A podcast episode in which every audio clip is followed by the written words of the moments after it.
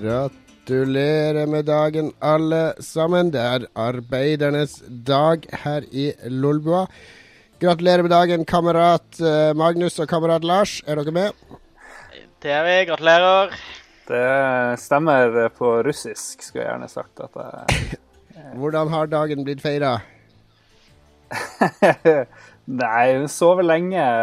Var seint oppe i natt og spilte nerdespill. Så har vært ute og jogga en tur. Ikke gjort så mye annet. Spilt litt og drukket øl og vin. så jeg vet ikke om det er så arbeideraktig, men det er kanskje det. Jeg tror det er ganske arbeideraktig.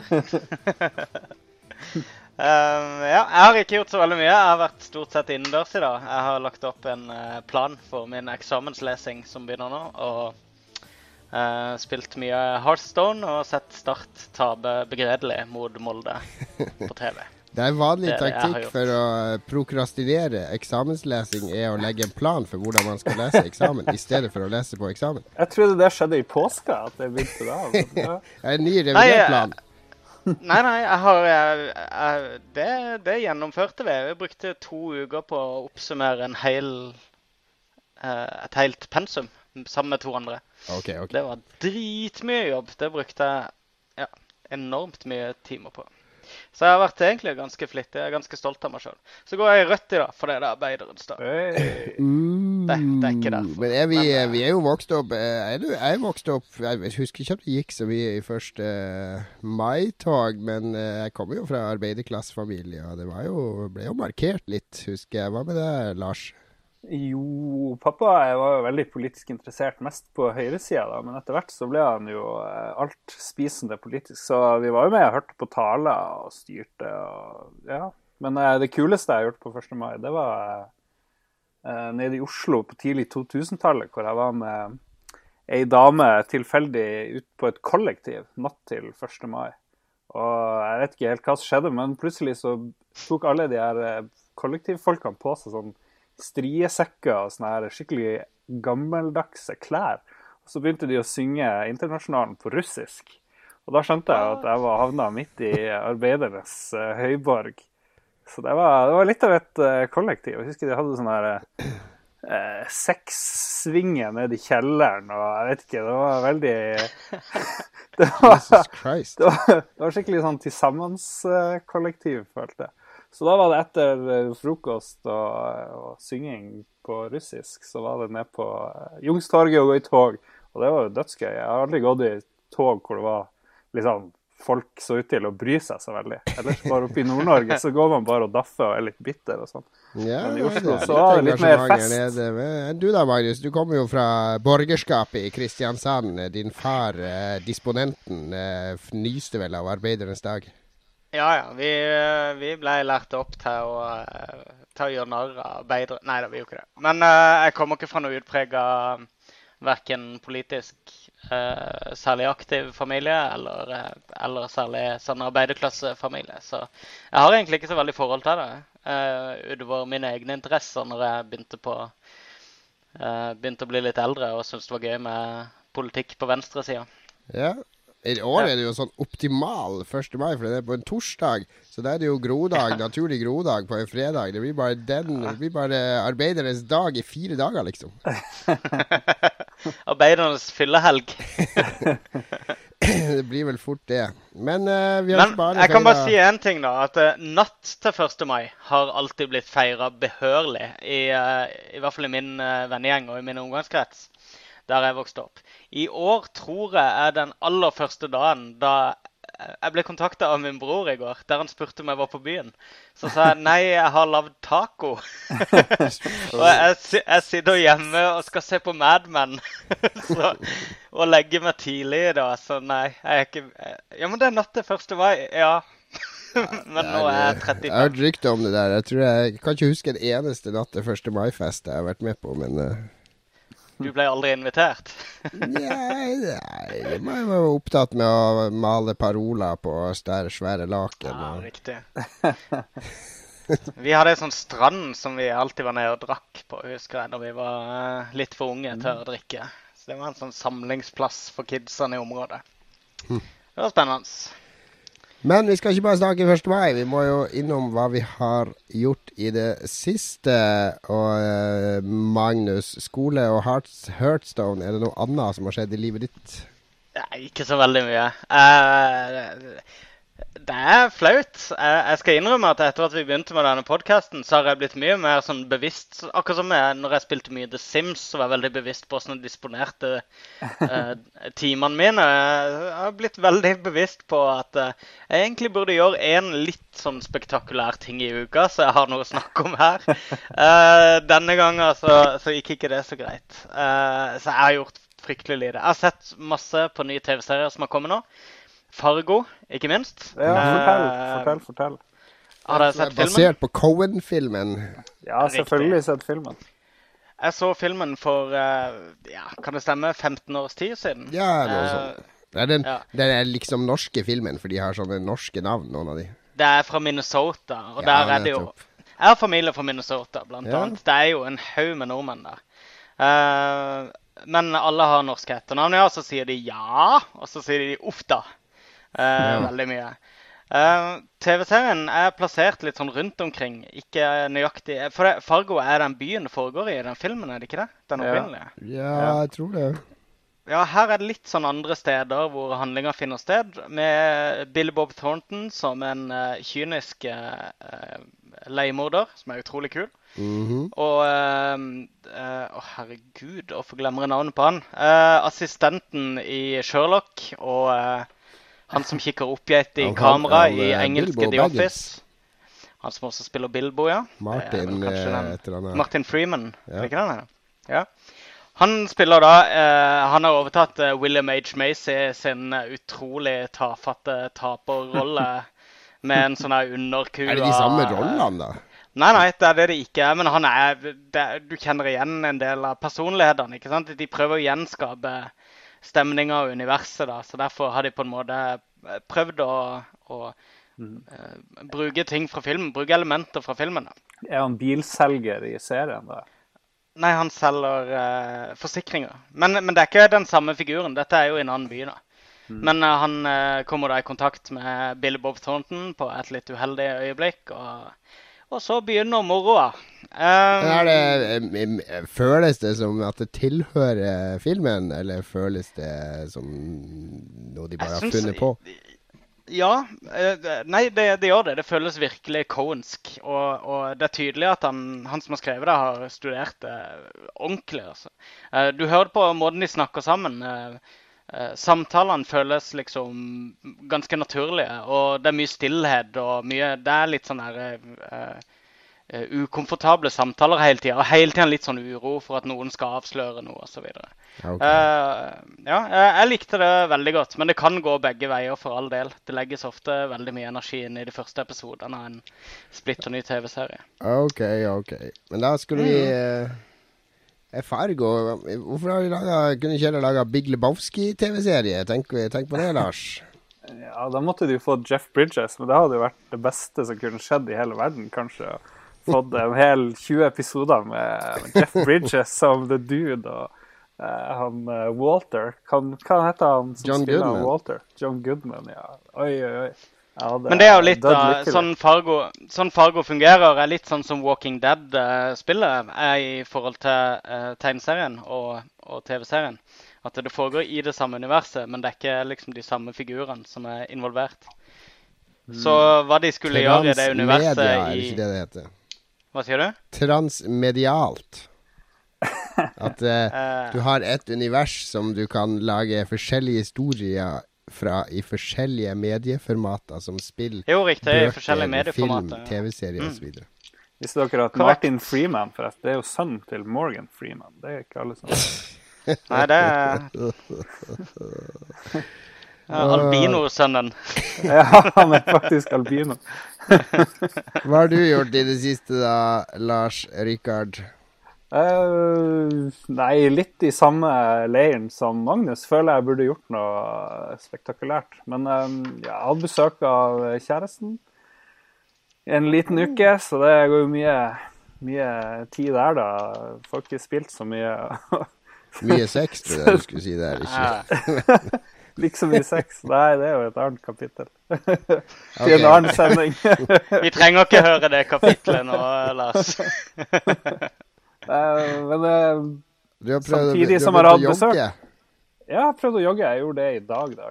Hvor du jogger da? Oppover eh, Heggenvei, opp utsikten? Og... Da jeg var i militæret her etter rekrutten, eh, som var sørpå, så havna jeg hit opp i Harstad og var ute på Trondenes og kjørte beltevogn. Og noen ganger så måtte vi springe 3000 og sånt, så jeg har liksom Og der merker de opp eh, lengden og avstanden. Så jeg liksom for tilbake til den eh, banen der, da, som ligger på et sted som heter Solia. Så veldig praktisk. Men før så var det grusvei, og nå er det blitt asfalt. Så jeg ble litt skuffa da jeg kom dit. Og bare shit, jeg har ikke så veldig lyst til å jogge på asfaltdekket. Eh, da får beina mine vondt med en gang. Så Og så begynte det å sne, og det ble sånn snestormaktig plutselig når jeg skulle styre. Så det ble litt amputert. Eh, Jeg var ikke helt fornøyd. Men jeg sprang nå og surra litt. og Prøvde å finne ut eh, Du Kjørte kjørte litt ut i rundt. Solia for å springe 3000? ja. Kunne jo bare Altså, gått ut døra, selvfølgelig, men eh, jeg vil Det blir finne kanskje litt internt her, men mitt råd til deg er å jogge til eh, Kannebågen. Altså, for da kan du løpe runder på Kannebågenbanen. Vet du, løpebane der. 400 meter Mm. hver runde. Så har du Det er optimalt for 3000 meter. Ja, det er jo optimalt hvis du skal regne løype, men det er jo litt kjedelig å springe rundt på en sånn bane, da. Så Ikke det hvis du blir- hører på en god podkast samtidig. Ja, ja. jeg kan jo Eller høre la, på lave god podkast. Det kan vi òg gjøre. lage Men ikke snakker snakke lokalgeografi oppi Ok, nok, Eh, nok lokal ja. geografi. Har du noe annet verdt å dele? Jeg har lest masse bøker av han som heter Brandon Sanderson. Han som ble leid inn for å fullføre Wheel of Time-serien. Han skrev vel tre uh -huh. av de bøkene. Og Dem har jeg ikke gidda å lese, fordi jeg ble lei den serien lenge før. Men han har skrevet to serier i hvert fall som er verdt å få med seg. En helt ny en som heter Stormlight Archive, som er veldig, veldig bra. Eh, Det er litt- reinspikka fantasy. det er superfantasy. Og så er det en, den mest kjente serien er vel det, det Mistborn-trilogien. Hvor folk driver og eh, For å gjøre magi så må man konsumere ulike metaller. Så brenner man de metallene liksom inn i kroppen sin for å gjøre ulike special effects. Så det er litt spesielt. Og han lager også en ny vri på eh, magi i den der eh, Stormlight Archive, som er den siste eh, serien han har begynt på. Men jeg likte det veldig godt. Anbefales veldig. Brandon Sanderson. Brandon Sanderson får altså Lolbua-tommel. Én Lolbua-tommel opp, i hvert fall. De to andre vet ikke hva Vet ikke noe ennå. Vi hadde våre vår venn og guru eh, Frank Johansen. Frank Tore var jo her for noen uker siden, så han er jo fan av Brandon. Så da må det jo være kvalitet. Han Det leser bare er, alt som er eh, det er En approval fra han, det betyr litt, for han har vel lest sånn 1500 fantasybøker. Ja. ja. Ja. Men du, du Eh, I helga så var jeg med i eh, en eh, Kronos Protocol eh, Android Netrunner-turnering på Outland nede i kjelleren i Oslo. Der Ja. vi spilte det fantastiske, livsdefinerende, filosofiske og banebrytende kortspillet Android Netrunner mot hverandre. Ja, du har jo bare snakka om det, er sikkert fem podkaster på rad. Ja, men det- eh, ja, du vet, Det holder. eh, Det holder. Hvor stilte du aldersmessig? Eh, jeg var vel en av de eldste, vil jeg si. Nei, her Var var det mye- folk som kom med to, to pakker melk i ryggsekken sin og full eh, matpakke og ja, Det var litt av hvert. Det var, var, var noen som var 30 pluss, men eh, men var, vi var vel eh, hvor mange med, 13 stykk, tror jeg, som var med og deltok. Altså, de, får jo tilsendt sånne premier fra eh, Fantasy Flight Games, som gir ut det spillet. da Og de regner jo med på de turneringene at det er sånn par hundre.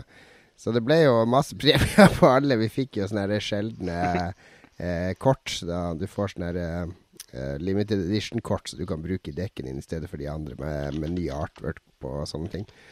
Så jeg fikk tre av det kortet som vi da kunne Som skulle være en av premiene der. Og så gikk jeg hjem og sjekka, og de lå jo ute på eBay for 350 kroner per stykk. Så det var jo grei, grei gevinst, bare det, da. Men, uh, men Android Netrunner, da Man spiller jo da som uh, Man har to kortstokker som man har laga sjøl. Én for en corporation og én for en uh, hacker, da. Og så skal man spille mot hverandre først som hacker mot den andre sin corporation, og så mot som sin corporation der man skal ta den andre sin hacker. Så min hacker var jo da Den hadde Jeg var basert rundt å få ut eh, tre programmer ganske kjapt og billig veldig fort. Med hjelp av noen triksekort. Det var litt sånn spesiell dekk som jeg ikke helt fikk til å fungere, så det gikk ikke så veldig bra. uh, og min corporation, det er da NBN, som er uh, en slags Fox News uh, om 200 år som kontrollerer alt av media i verden. At jeg har sånn overvåkingskamera som overvåker rønneren, sånn at han må gjemme seg hele tida. Og jeg driver helt til jeg prøver å spore han opp for å ødelegge ressursene hans og knuse inventaret hans og få han arrestert og sånne ting. Og den dekken gikk litt bedre. Der klarte jeg å ta en kar på én omgang. Én runde, faktisk. Men uh, Hvor mange runder tar det normalt? Ti-tolv Det er flere måter å vinne på. Du kan drepe runnerne, du kan få agendas osv. Okay. Men det er utrolig fett. Det er så kult å spille det. Jeg begynte å høre på podkast om nettrunner, der folk sitter eh, i, i, to timer og diskuterer hvilken ice som de bruker, og hvilke kombinasjoner av ice som fungerer optimalt med hvilke andre kort og sånne ting. Jeg begynner å bli sånn på fornavn med alle de Det er vel 1000 kort nå, tror jeg. Nei, ja ja, la oss si at ja, det er i hvert fall 500 forskjellige kort. Jeg begynner å bli på fornavn med alle kortene. Altså, jeg husker hva alle kortene gjør, bare ved å høre navnet deres. Og når folk ja. sier at jeg bruker en Scorched Earth sammen med en uh, et eller annet kort, så skjønner jeg med en gang komboen og hvorfor det blir bra. Uh, det blir uh, det, det, er egentlig ganske avansert. Og det tror jeg også det er grunnen til at det ikke er så mange, i hvert fall i Norge, som, som spiller det. Men de få som spiller, de er i hvert fall utrolig dedikerte og veldig flinke spillere. Okay. Så mm. det var veldig gøy. Jeg gleder meg til å spille. Jeg skal spille sånn der Region Championship på Arkon. Jeg kom jo på nest sisteplass, da, så det var ikke så mye å skryte av, men uh... Ja, men du fikk jo masse premier. ja, jeg fikk litt premier. Men, ikke minst fikk jeg jo prøvd meg mot noen andre enn sønnen min, som jo stort sett er den eneste jeg har spilt mot. Det høres så trist ut når du sier det sånn. det er mange av lytterne våre lurer på, som tenker på det nettet, det er jo er det en eh, fin plass å sjekke opp eh, det andre kjønn på? Hvordan er fordelinga av eh, eller det samme, da. Hvordan er fordelinga? Er det bare nerdy boys? ja, hvis du er jente, så er det en veldig fin plass å sjekke opp det andre kjønn på. Nei, det var, det var, var, Vi var jo en gjeng med gutter, da, selvfølgelig. Sånn er det jo. Men uh, det, det, er, det, er, ikke så veldig vanskelig å begynne å spille det, fordi grunnsettet tror jeg koster 300 kroner, og da får du syv decks. Eh, du får alle de tre runnerne og de fire corporationene. Det er en veldig fin måte å begynne på, er å bare spille det, da. Og så kan man heller utvide etter hvert. Så jeg vil anbefale, anbefale som ofte jeg kan. Android Netrunner er uh, Jeg tenker mye på det. Jeg hører på podkast rundt det. Jeg sitter og blar i kortene og lager nye decks og nye ideer hele tida. Fordi det er, det er, så mye mer enn Magic the Gathering noen gang var for meg. Så jeg, jeg digger det virkelig. Mm. Jeg har blitt litt sånn på uh, Jeg satt nå nettopp faktisk bare for en time siden og så på Twitch-streams uh, av folk som spilte Heartstone. Uh, dette er jo noe jeg aldri gjør. men jeg kjenner meg veldig igjen i beskrivelsen din, da, for jeg er litt sånn på samme geeky-greia med det spillet der nå. Og der er det damer som spiller, som streamer på Twitch. Og hvis du ser på chat-vinduet der, så er det ingen kommentarer om spillet der. Det er bare, bare datingrelatert. det er helt bortkasta. Så sitter hun og spiller, og så er hun dritflink. Og så sitter hun og spiller, og så, så alt hun må svare på, liksom er om hun liker britiske gutter. Og om hun liker amerikanske gutter, og hvorfor ikke det. Og... Show me your feet. Ja. Det er, så, sånn funker Twitch. Ja, ja. Det er vel. Nei, men det var jo Jeg syns vi hadde mye spennende å fortelle fra uken som gikk, ja. Absolutt. Ja. En, en høydare. Mye som har skjedd. Eh, Nå skal vi snakke litt mer om eh, vi, eh, Lars, du har jo bestemt tema denne gangen, som jo er eh, Arbeiderne spesial. Spill som politisk arena. Og fortell litt om hva vi nå skal gjøre.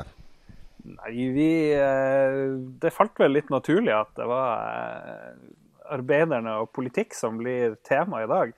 Det er jo noe vi har snakka litt om underveis. Eh, noen spill er jo politisk anlagt. Men jeg drev og tenkte på det her tidligere i dag og fant ut at når man snakker om politikk og spill, så kan man jo se på det på flere måter. Noen bruker jo politikk som en del av eh, tema for gameplay, da, sånn som Crusader Kings har veldig mye politikk, hvor det er liksom backstabbing, og du skal plassere de rette folkene i de rette landene og påvirke andre land for å kanskje vinne dem uten å gå til krig mot dem og den slags. Du skal gifte bort folk. og Det er jo politikk sånn som det var eh, før i tida. Så har du mer moderne eh, spill òg. Men og en annen måte å se på det er jo som eh, gameplay som politisk virkemiddel. Eh, I større eller mindre grad, sånn som det her er favorittspillet til deg, Jon, som er Papers Please. Hvor Mm -hmm. man bruker, bruker, hverdagen til folk som man spiller, og så får man et slags politisk budskap eh, formidla gjennom måten man spiller på. Eh, og så kanskje vi kan også se på, eller man kan i hvert fall huske på at spill har jo også blitt sånn som tegneserier, film og musikk. Eh, en del av den virkelige politiske hverdagen rundt omkring i verden. Kanskje spesielt i USA, hvor man er veldig flink til å ta ting til det ekstreme. Eh, vi husker jo han der eh, advokaten som livnærte seg lenge på å gå til sak og prøve å Jack finne Thompson. dritt. Jack Thompson, ja. han er vel litt borte nå, men ja. Han ble dispara i, uh, i Florida, så han får ikke lov til å være advokat lenger. Ja, ja. Og hver gang eh, noen dreper noen med masse Eller dreper mange på samme tid, hva det heter Massedrap. Eh, Ja. Sånn her killing spree, så er det jo plutselig snakk om å regulere dataspill. Så det er jo mange måter å tilnærme seg det her på. Eh, Ja, det er det som slår meg. Vi må vel finne en eller to vinkler å diskutere her. Ja, ja. Nei, jeg, jeg, og så prøvde jeg å finne noen spill da, som var litt aktuelle, da, som man kan se på i lys av det her. Og, så jeg har jo lenge tenkt på GTA 5, for eksempel. Eh, Jeg tror ikke så mange vil tenke på det som et politisk spill, men man kan kanskje gjøre det. Man har jo f.eks. den her eh, berykta eh, tortursekvensen, f.eks., som mange vil huske. Eh, vi har også eh, Modern Warfare, hvor man går og blaster ned folk eh, på terrorvis i Russland. Eh, det kan jo også tenkes at det er en slags politisk eh, markering på et eller annet slag. Eller kanskje det bare var for å skaffe oppmerksomhet. Jeg vet ikke. Hva er, hva er de mest politiske, moderne spillene vi vet om nå, da? Så eh, eh, Men da er vi litt mer inne på sånn eh, standardiserte eh, Jeg så det kom nytt Tropico-spill nå, f.eks. Der, der det er en del av gameplay. da. Men Double Fine holder på med Double Fine Productions, som lagde Brutal Legends og Psychonauts og alt dette her. De har også lagd eh, Eller de har et eh, prosjekt i gang nå som heter Dear Leader. Som er et veldig kult spill. Eh, det er ute på alfa nå for de som har forhåndsbetalt det. Har du gjort det? Um, ja, det, eller det var et sånn her eh, Humble Bundle-prosjekt de hadde. De har noe som heter Amnesia Fortnight, som er et sånt konsept de har eh, et par ganger i året. Hvor de launcher en hel haug med spilleideer, og så stemmer folk på hvilke ideer de har lyst til å se realisert. Og så kan de eh, spytte i litt penger, og så får de tilgang på alfa og beta underveis.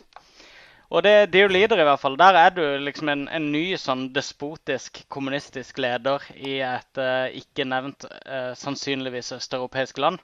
Hvor du skal ta en hel haug med uh, grusomme beslutninger. Med uh, journalister som skal kontrolleres, og politikere som skal overvåges. og eh, Hele greia styres fra et sånt kontor, hvor du har liksom en telefon og en notatblokk osv. Hele interfacet er veldig sånn her Jeg forbinder det med PC-spill fra tidlig 90-tall. Men jeg vet ikke om dere spilte LA Law-spillet noen gang. Eh, advokatspillet basert på den fantastiske TV-serien på 80-tallet. visste ikke at det fantes engang. Spillet var dritbra, men det var dette her med at du bare jobba ut ifra en disk. Altså, Du hadde vel det i de første Football Manager også, var vel bare interfacet lagt opp som en, en arbeidspult, var det ikke det? Um, Jo, ja. Jeg skjønner hva du mener. ja. Veldig kult spill, veldig retrovennlig osv. Men eh, et spill hvor en, en skal opptre som en eh, eh, ja, despot. Kommunistisk despot anbefales veldig. Det er ikke det sånn hvis- det, det er jo sånn en slags sånn cop-out Hvis dataspill skal være, ha litt sånn her eh, politisk harselering, så er det alltid sånn her ekstremkommunisme som skal være tema. Diktatur og Ja, det er jo de, ikke noe ja, mer er sånn er nyansert politiske kommentarer. Jo, men det er jo de som er komiske. Altså, du må ha Du må jo karikeres for å være morsom. Det er jo eh, Altså, amerikansk politikk er jo minst like komisk. Den blir jo Ja, ja, karikert absolutt. hver eneste dag der borte i, i talkshow og, og Daily Show og alt mulig. Så det, det er jo Men jeg er helt enig. ting å at ta av. De, de kan godt gjøre det også, men jeg syns ikke det blir noe mindre morsomt å gjøre narr av bananrepublikker og despoter og eh, Nei, men det er litt enklere, jeg føler jeg. Det er litt sånn der eh, Det er grei Det er litt mer u... Uutfordrende, hvis du skjønner hva jeg mener.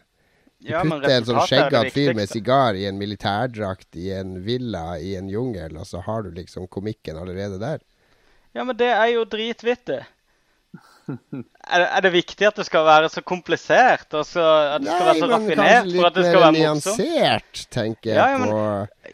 Gjennomførelsen er alltid Fins det spill som harselerer med f.eks. Uh, hvis vi skal gå innom politikk, altså Metal Gear-serien er jo en av de mest politisk betente. Den tar jo opp temaer som f.eks. private militærstyrker og, og filosofiske problemstillinger rundt det å krige, være kriger, drepe, beskytte. Altså, det, den går mye mer i, for eksempel, i dybden enn mange andre spill rent politisk, Ja, men, men dette, er et, dette er komedie vi diskuterer nå, er det ikke det? Ja, vi diskuterer politiske spill. Altså, Ja, min okay, var ja, sånn, som, sånn som Papers, Please og det du nevnte, og et par andre. Det, det er liksom Da lager vi et beinhardt diktatur, og så kan vi Og så er det morsomt i utgangspunktet. Mm. Ja, det er vel greit, det òg, er det ikke det? Ja, men er Papers, Please er det morsomt i utgangspunktet, det da? Nei, det er ikke det. Der prøver de jo å kritisere den type tankegang. Så der prøver de vel å si litt mer enn akkurat eh, bare det der er lol. Men jeg, etter som jeg skjønner, Jon, så mener du at velger, hvis man skal lage noe politisk i et spill, så velger man den litt sånn lette, veldig slem mot veldig snill, eller eh, Ja, det er veldig lett å se at de som er slem er veldig slemme. Det ikke er så veldig grå linje imellom. Men det som er bra med Papers, Please, er jo at det er du som er han der personen som er en brikke Ja, i det, det, det, her det som er genialt med Papers. Please, er at du etter hvert eh, føler at du faktisk kan utgjøre en forskjell. Og hvis du bare er tannhjul i systemet, så er du egentlig ganske skyldig i hva det her regimet foretar seg. Ja. Det, Men er- det er jo dritvittig i utgangspunktet.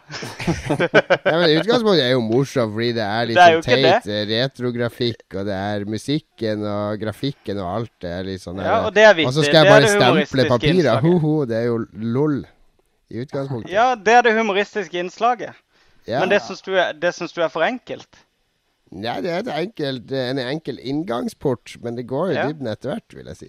Ja, riktig. eh, Ja, en, Altså, et, ordentlig godt politisk spill må jo være et som får deg til å oppføre deg på en måte som kanskje ikke stemmer helt overens med det du tror er dine politiske synspunkter, men som i stedet gir deg innblikk i hvorfor folk eller polit politikere eller partier handler sånn som de gjør, i Ja, lys av situasjoner de blir stilt overfor. Da har jeg et spill å nevne, og det er Fable 3. Mhm. Spilte dere gjennom Fable 3, Ja, og på slutten der blir du konfrontert med alt mulig du har lovt opp igjennom, Yes. og så har du ikke ressurser til å innfri alt. Nettopp. Og så har du Du har utvikla en enorm sympati for alle du er ute og hjelper. Og alle har dødsgode grunner og gråtende barn og lidende eldre og alt sånt der. Og du har sagt ja, ja, ja, vi fikser det. Jeg lover å hjelpe dere, bare dere hjelper meg til tronen. Så kommer du frem, så har du ikke penger til det. Så må Mm. du kutte noen. Så må du leve med de der svik-animasjonssekvensene i etterkant. Men eh, jeg, jeg tenkte en del på det. Det gikk litt inn på meg, det der, faktisk. Jeg husker det. Det var litt vanskelig. Ja, ja men det er et godt eksempel. Jeg husker godt den slutten der. Den er, Ja. den er ganske bra. Ja, du vel også, Husker du vi snakka om tidligere, Lars, et sånn gammelt Israel-spill som du hadde spilt? Et sånt strategispill. Ja, Conflict Middle East, eller hva det heter. Ja, og der er det også sånn at du blir fort pressa opp i et hjørne der du egentlig ikke har noe reelle valg. Altså Enten så er det å bli utsletta, eller så er det å gjøre en ond handling. Eller noe som blir ansett som en ond handling. Ja, jeg lasta det jo ned, så det går an å finne det eh, i dag òg, hvis man har lyst. Men eh, det er flere måter å vinne på. Du kan, men som ofte så går det jo til, eh, til helvete. Men og, som ofte så går det på at du må destabilisere naboene dine eh, så godt som du klarer. Enten med å drepe dem med militære virkemidler, eller å skape politisk uro i, i de andre landene. Så det er jo et av de første sånn ordentlige politiske spillene jeg, jeg prøvde. Men um, jeg husker ikke helt hvilket år det er fra. da, Men når vi tenker på gamle politiske spill, så tenkte jeg også på Tetris, som jo var Det var vel lagd i 84, tror jeg, men så ble det vel det mestselgende i verden i 88, tror jeg det var. Og det er jo ikke veldig lenge før uh, jern, jernteppet uh, falt. Jeg lurer litt på om uh, Tetris var med på liksom å fortelle til verden at uh, russerne uh, kunne òg liksom lage, lage, et kult spill på et vis. At det fantes noen mennesker på den andre sida der som Nei, det ikke var helt, Nei, jeg vil ikke tillegge det så mye. Altså, Russerne kunne jo lage gode filmer. Det hadde de jo demonstrert eh, siden eh, Battleship Potemkin og Aisen eh, Jo, men det var ingen barn som så de filmene der. For å Nei, ja, men sånn. vi i Norge så jo masse fra, fra Sovjetland av eh, Så vi barne-TV masse? Laika, jenta fra verdensrommet og eh, Er ikke det tsjekkisk? Ja, det er vel ikke russisk, egentlig. Men ja. Muldvarpen, han var vel også, han var fra Praha, var ikke han det? Alt var tsjekkisk. Alt på barne-TV var tsjekkisk på 80-tallet. Ja, var ikke Tsjekkia en del av Sovjetunionen, da? Nei. Det, var det det? Det, jeg han er ikke Her viser vi våre manglende Det, det der veldig kjente bildet av han duden som står foran uh, tanksene som kjører inn i byen, det er uh, Fra Kina? Det er, det er fra Ja, det er en der, men det er også en i Tsjekkia som ble veldig kjent for å gjøre det. ja. um, Ja. Eh, nei, jeg vet jo ikke navnet.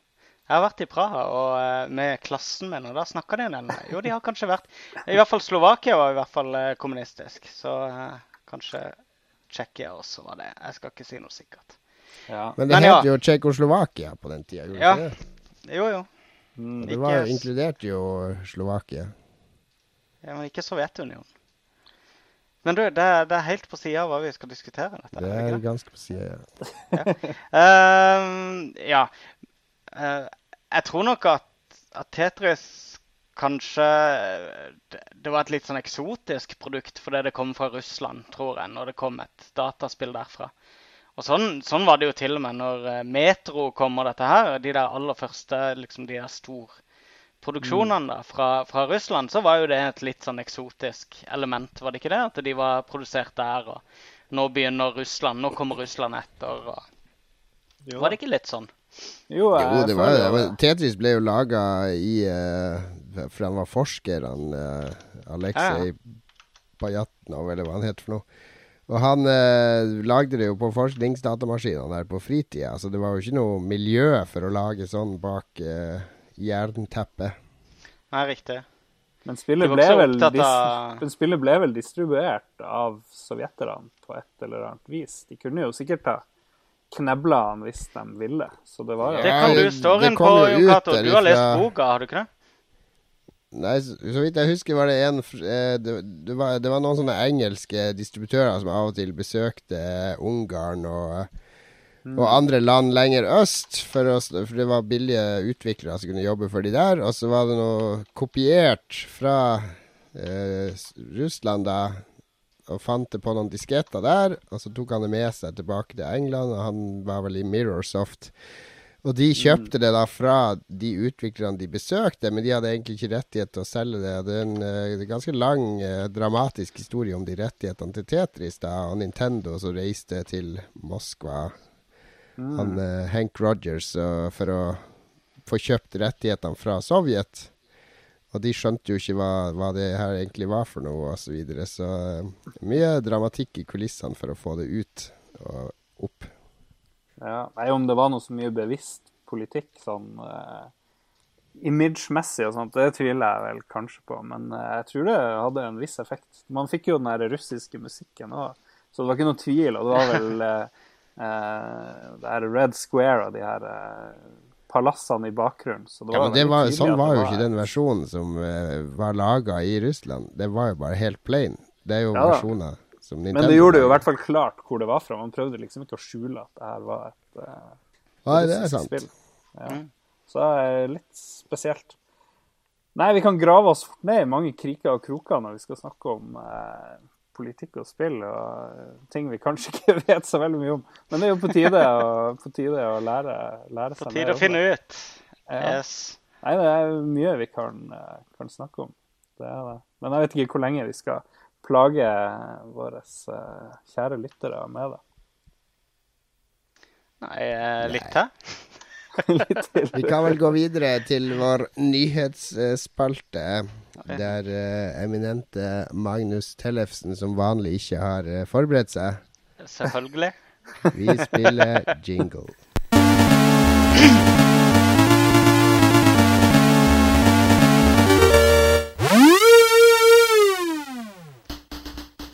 Funcom lever. Det norske spillselskapet Funcom har fått 9,7 millioner ekstra etter å ha trylla frem 2,2 millioner nye aksjer. Pengene kommer fra det amerikanske fondet YA Global Masters SPV Limited, som håndteres av Yorksville Advisors. Fondet har investert i en rekke felt, inkludert gass og olje. At et norsk selskap må til utlandet for å få oljepenger, er jo bare typisk med det rød-grønne kommunisthelvetet vi lever under. ja, de rød-grønne Å ja, de er kanskje ikke De styrer kanskje ikke lenger. Ja, men er ikke det bare fellesbetegnelse fordi vi ikke liker av politikere? Jævla Siv Jensen, altså. Ja, ja. Funcom har fått penger. Hva betyr det? Betyr det hva, har vi noe kompetanse til å uttale oss om det her i det hele tatt?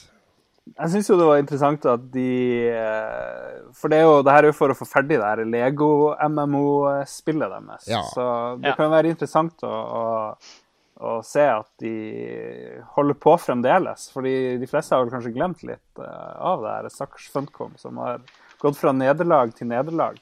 Og man kan jo kanskje spørre seg blir det her Lego-MMO-et en hit? Kommer de til å overleve, eller er det her siste, siste MMO-spikeren i kista? Nei, for det første så er det ikke noe MMO. Jeg har vært der ute og besøkt i deres nye lokaler og jeg har spilt det spillet et par timer. Det er um, Det er browserbasert Diablo-spill der barn og voksne kan spille lag. Uh, jeg kan f.eks. sitte på PC-en og spille, mens uh, ungene sitter på iPaden og spiller sammen med meg. Det er ganske kult bare i seg sjøl. Mm. Men uh, det er Altså Funcom nå er ganske annerledes enn det Funcom som jeg brukte å besøke for noen år siden. For det første har de flytta i mye mindre fokuserte lokaler. De har mye flatere struktur, virker det som. Altså organisasjonsstruktur. Og de er mye mer uh, hva skal jeg si, fokusert på det de skal lage. Og de vet begrensningene sine nå, og de vet styrkene sine nå. Så at de de lager noe som er gratis å spille. Det er free to play. Det er selvfølgelig mikrotransaksjoner, og det er selvfølgelig en potensiell eh, enorm inntektskilde. Fordi det Lego-merket er ganske sterkt. Det er ikke så kult som de Lego-spillene vi er vant til å spille, var mitt inntrykk. da. Altså, det er ikke den samme kreativiteten, men du har liksom 100 pluss figurer som alle har forskjellige angrep og powers osv. Så, videre. så det er Du får litt av den samlemanien når du spiller, for du får nye sånn booster packs med en ny figur oppi osv. Så, videre. Så du kan Mhm. utvide repertoaret ditt og, og hvem du spiller med og sånne ting.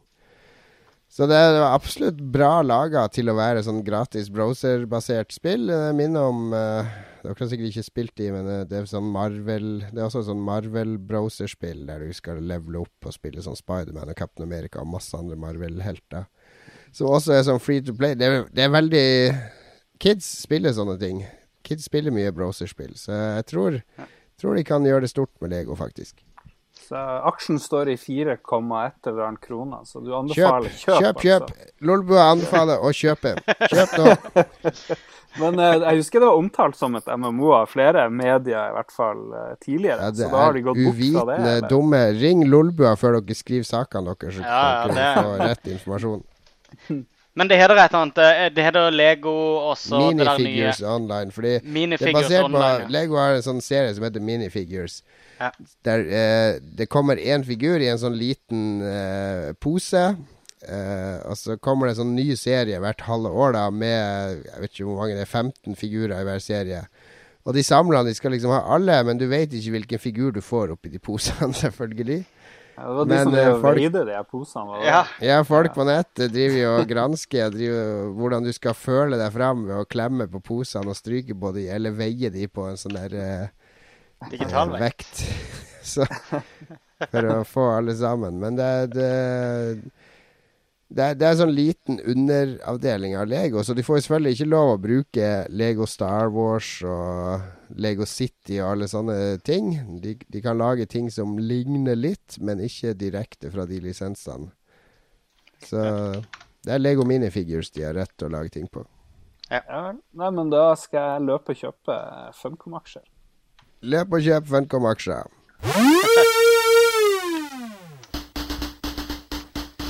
Sponsa av Microsoft-penger har en gjeng dokumentarfilmskapere med gravemaskin funnet den sagnomsuste søppelplassen hvor Atari gravde ned spillene de ikke klarte å selge på 80-tallet.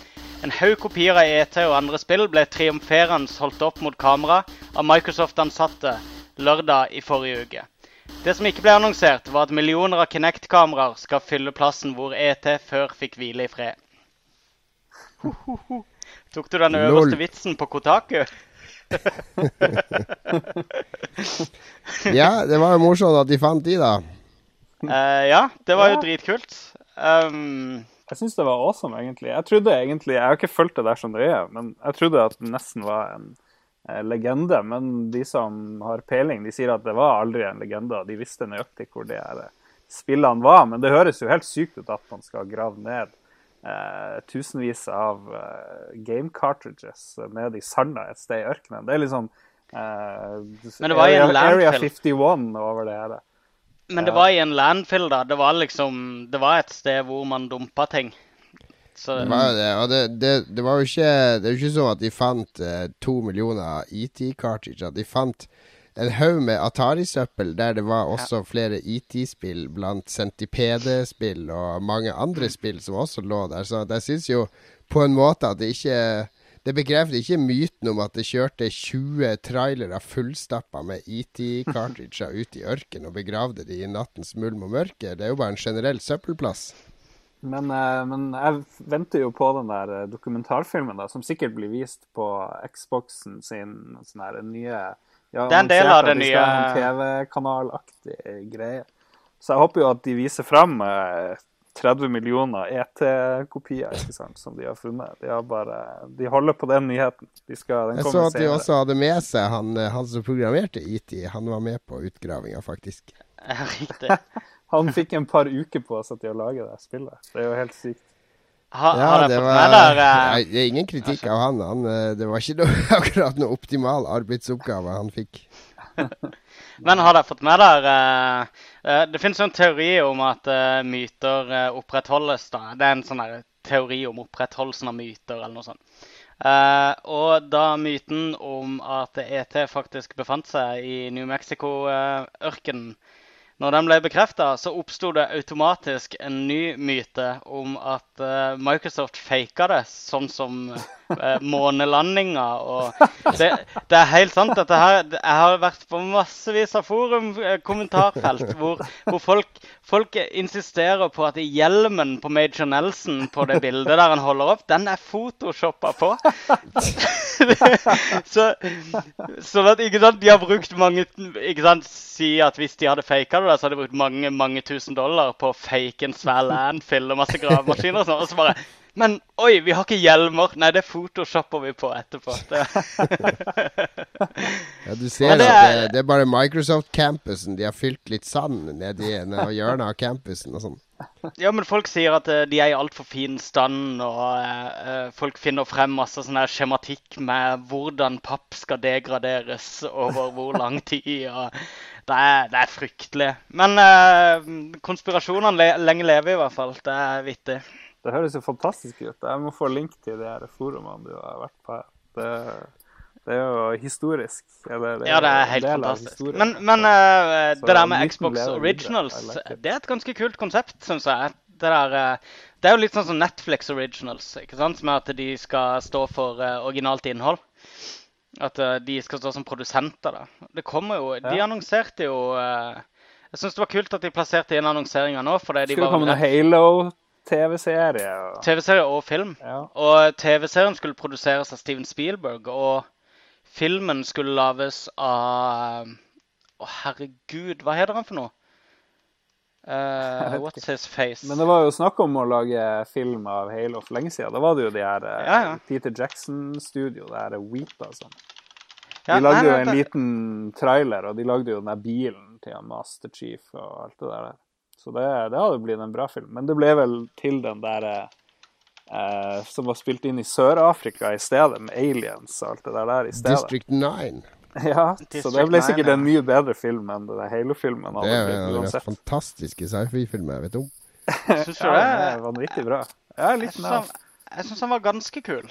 Ja, det er men i hvert fall. Eh, jeg syns det er kult at, eh, at de eh, produserer opp. For det, eh, det, er noe som heter Jash, som er en haug med mine favorittkomikere. Eh, eh, pluss Sarah Silverman, som kanskje ikke er så favorittkomiker. Men hun og Michael Cera fra Arrested Development og Kickass og alt dette her, og Tim and Eric Kjenner dere til Tim and Eric? Mm -hmm hvis dere ikke har sett Tim og Eric Awesome Show Great Job, så er det en komiserie dere bør uh, sjekke ut umiddelbart. Uh, veldig, veldig kul, veldig kvalm, uh, obskur humor, men utrolig morsomt. De har i hvert fall sammen starta noe som heter Jash, som er et sånn komikerkollektiv. Hvor, hvor, de har jobba i et par år nå med, med, et konsept hvor de skulle begynne å lage De skulle fremstille komedie på nye måter. da de skulle liksom utvide eh, komediekonseptet. Og det, de nå, det, skal de nå gjøre i samarbeid Ja, men det er gjennom videoer, forskjellige typer videoer osv. Men eh, det skal nå skje via eh, Xbox Originals, tydeligvis. da. Så det var gode nyheter for meg, at det var fremdeles i produksjon i hvert fall. Ja. Men jeg regner jo med at de, de, har, de har, jo garantert eh, annonsert dette nå for ikke å snakke noen ting om TV på E3. Eh, Microsoft. For det jeg tror er det noe de frykter nå, så er det det TV-stempelet skal feste Ja, men de må snakke noe om For det der, det der Remedy-spillet blir jo, uh, har jeg hørt av sikre, anonyme kilder. Det utvikles TV-serie parallelt med den. Ja, det blir episodebasert spill og serie. Det er liksom noe stor hemmelighet, det. Men, men uh, jeg var ute og spiste for ikke så lenge siden sammen med noen programmerere. og noen greier, og De sa at uh, Microsoft har delt ut en del instrukser nå på hvordan du skal Det er veldig enkelt å utvikle for Xbox One da når den kommer til Norge. Og det skal bli mulig når denne TV-tjenesten der du plugger uh, uh, TV-boksen din i Xboxen, som er så veldig hypa opp osv., så, videre, så skal det gå an å utvikle apper spesielt lagd til spesielle TV-programmer for å gjøre TV Gi det en viss form for interaktivitet. da.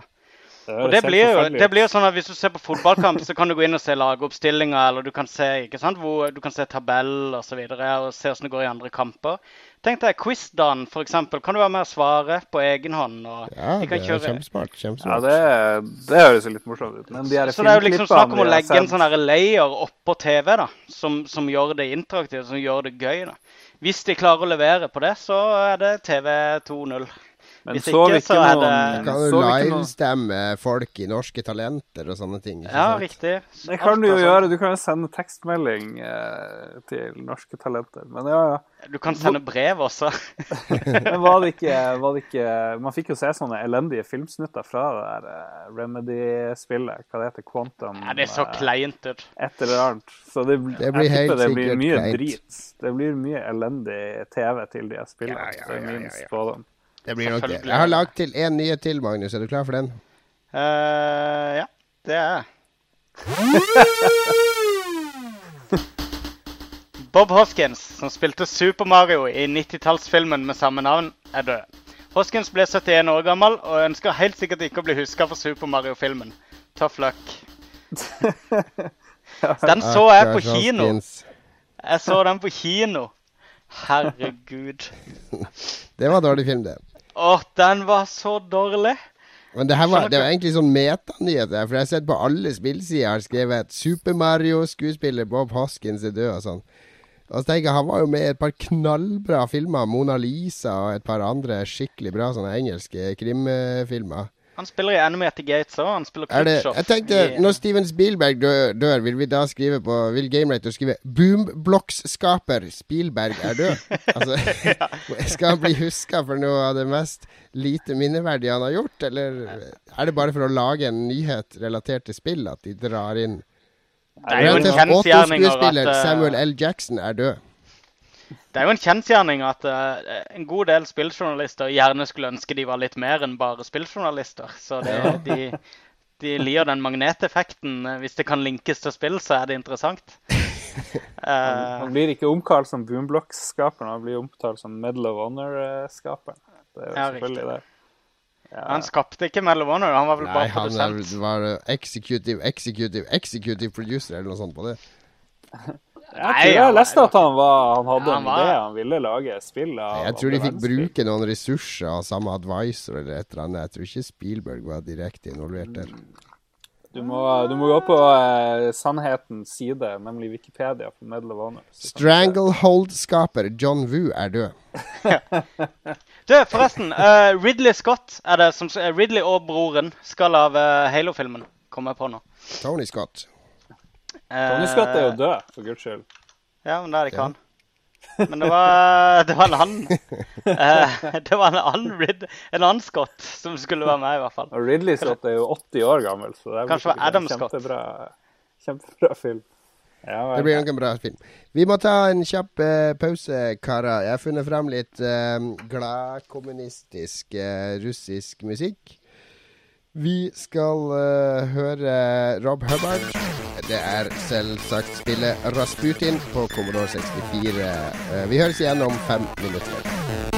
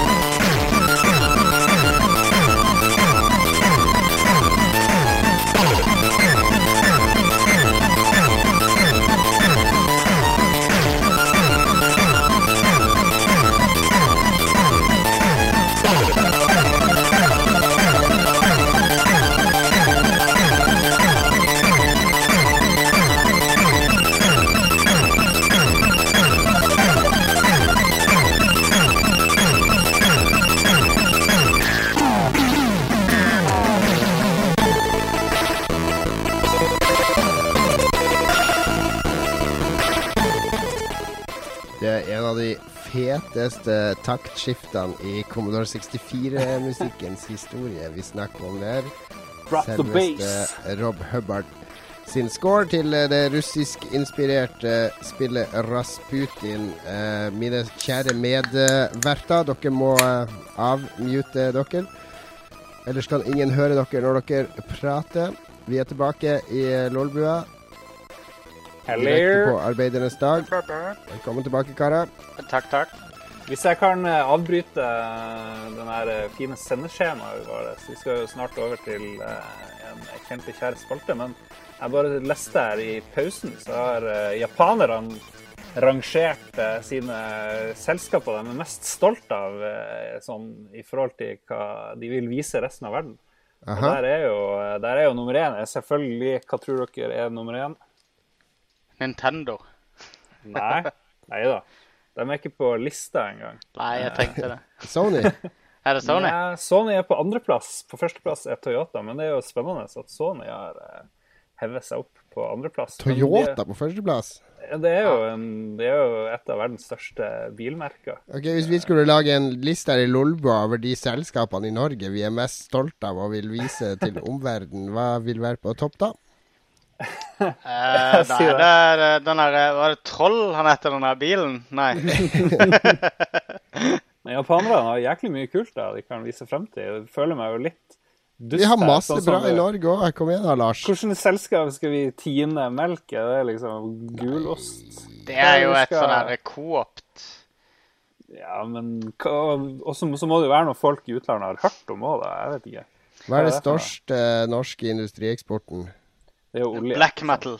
Ja, olje er jo bare råvare. Største, mest kjente i utlandet er Tomra. Panteautomatene. De har Tomra-automater over hele verden. Ja, det er jeg ikke stolt over. Ja, Jeg det så er jo på- greit, navn for Tomra. Jeg så på det der eh, Alt for Norge, Er eller hva det heter? Er ikke heter. stolt av noe som recycler og tar vare på miljøet og hjelper oss å rydde i søppel? Noe av det mest nyttige som er oppfunnet, er jo pantemaskin. Ja, Det er helt rart at ikke det Det er ikke vanlig i resten av verden med de panteautomatene, altså.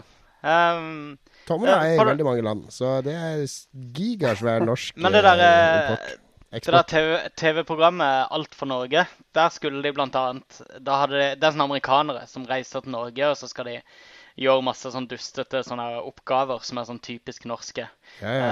Uh, og da skal de annet pante flasker, da. Uh, og de er helt sånn hypnotisert av det.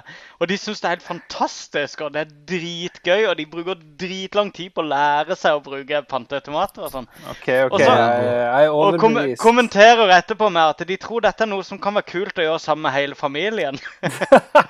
Men ok, her er, her, er liksom, her er noen av de andre selskapene de er stolte over. Det Men vi har lakseeksporten, da. Den er vi kjent for. Ja, jo, vi er litt stolte av laksen. men de har Toyota, så har de Sony, og så har de Honda, Panasonic, Nissan, Cannon Jo, Nintendo er faktisk på en syvendeplass der. Ja, se der, ja. Ja, Så har de Hitachi og Toshiba og Yamaha og Mitsubishi og litt langt ned Du er sikker på at du ikke blander med lista over lagene i den japanske eliteserien? Men de har jo noen sinnssyk eh, industri, da. Sinnssyk eksport. Så eh, vi, jeg føler meg litt eh, dust her som nordmann. Jeg vet ikke helt hva. Nei da, vi har jo Japan, vi har Tomra, eh, vi har Moods of Norway og Men jeg kan jo eh, Vi har altså, Mye av grunnen til det my, Mye av grunnen til at Japan er så store på eksport, er fordi at eh, på den tredje industrielle revolusjonen, som begynte på 70-tallet, Oh så var God. japanerne langt i forkant foran resten av verden. På produksjonskapasitet og All right, all right. effektivitet. Vi spoler vekk fra BI-pensumet når Vi skal over til eh, Dette er fra i fjor. lytterspørsmål. Dette, dette er ting jeg husker fra i fjor. OK, Gratulerer. Takk. det er bra. Det er bra. Du, du passerer din muntlige eksamen. Takk, takk. Vi har fått uh, Fampar9, er det en som heter på Twitter. Jeg tror ikke vi har fått spørsmål fra han før. Hei, Fampar9. Vi skal altså ha lytterspørsmål. Det er lytterspørsmål. Vi har fire lytterspørsmål i dag, og Fampar9 er først ut. Han lurer på hva er vårt personlige favoritt-boss-design? Altså ikke selve boss-fighten, men hvordan bossen ser ut. Uh, Mm, Genialt godt spørsmål. Mm. De første bossene jeg husker, det var jo fra sånn shoot them up-greier. Sånn her R-type og sånne ting. Og det var Ja, de hadde mange kule bosser. sånn som fylte nesten hele skjermen. Ja, sånn. ja. Nemesis spilte jeg masse på Commodore 64, og den var awesome. Awesome, awesome uh, bosser på de der. Og Mother Brain og eh, Metroid og sånn. Ja, Hitler i, i uh, Wolfenstein 3D var ganske decent da den kom. ja, ja. Det Ja. husker jeg var ganske vittig. Uh, Hva var jeg monsteret i. Doom? Hva var sluttmonsteret i Doom der? Var ikke han Det rimelig var en sånn svær demon. Ja. Og så i Arkanoid så var det det store hodet som uh, blinka Det når er du sant. traff det er det. sant. Men hvis vi tar med, hvis vi tar med typisk moderne spill også, er jeg nå med at vi går i retning av at, at eners må si The Mighty Poo. Er det ikke, er det ikke obligatorisk? Altså moderne spill, et spill fra 98 eller noe sånt. Ja, det er jo mer moderne enn det Nei, fra 2001 eller 2002. Er det ikke det?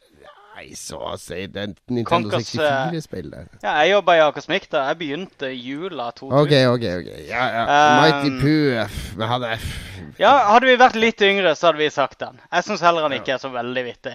Men han synger en sang om bæsj, og så er han en bæsj. Ja, det var morsomt da han sang. Det er sant. Um, Jeg nominerer Donkey Kong, da. Han var jo en av de originale som de fleste vil huske, tror jeg. Ja, han var en av de første sånn ordentlige personifiseringene av eh, bossene. Da motnominerer jeg um, uh, Mario, fordi jeg har spilt eh, den NES Remix 1 og 2 på VU-en, som er faktisk ganske morsom. De, de har laga masse minispill av NES-klassikere, der du, du skal spille ti sekunder av spillet og gjøre en spesifikk oppgave. Altså drep tre fiender på ti sekunder, eller et eller annet. Så, og Der skal du spille Donkey Kong Junior, og der har jo Mario fanga Donkey Kong i et bur, og så skal Donkey Kong klatre opp og redde han. Og da står Mario med en pisk der oppe da, og pisker stakkars Donkey Kong inni det buret. Og det er ganske Det er en side av Mario vi sjelden ser, så jeg stemmer på Mario. Men nå, nå skal vi Det er, det er et tilleggskrav her. At det er ikke selve bossfighten vi skal bedømme hvordan ser det ut. Det er utseendet. Mm. Ja, så det er ikke Da går jeg for operadama i uh, Nights, det originale Nights-spillet på Sega Saturn. For på andre verden der så skulle du slåss mot en operaboss, og kampen er i seg sjøl ekstremt kul, men hun er, hun er en sånn badeball, liksom, med noen pupper og armer og kaninører og et hode. Eh, og en diger sånn Obelix-bukse. Og så synger hun opera da når du møter henne med sånn fantastisk flott uh, operarøst.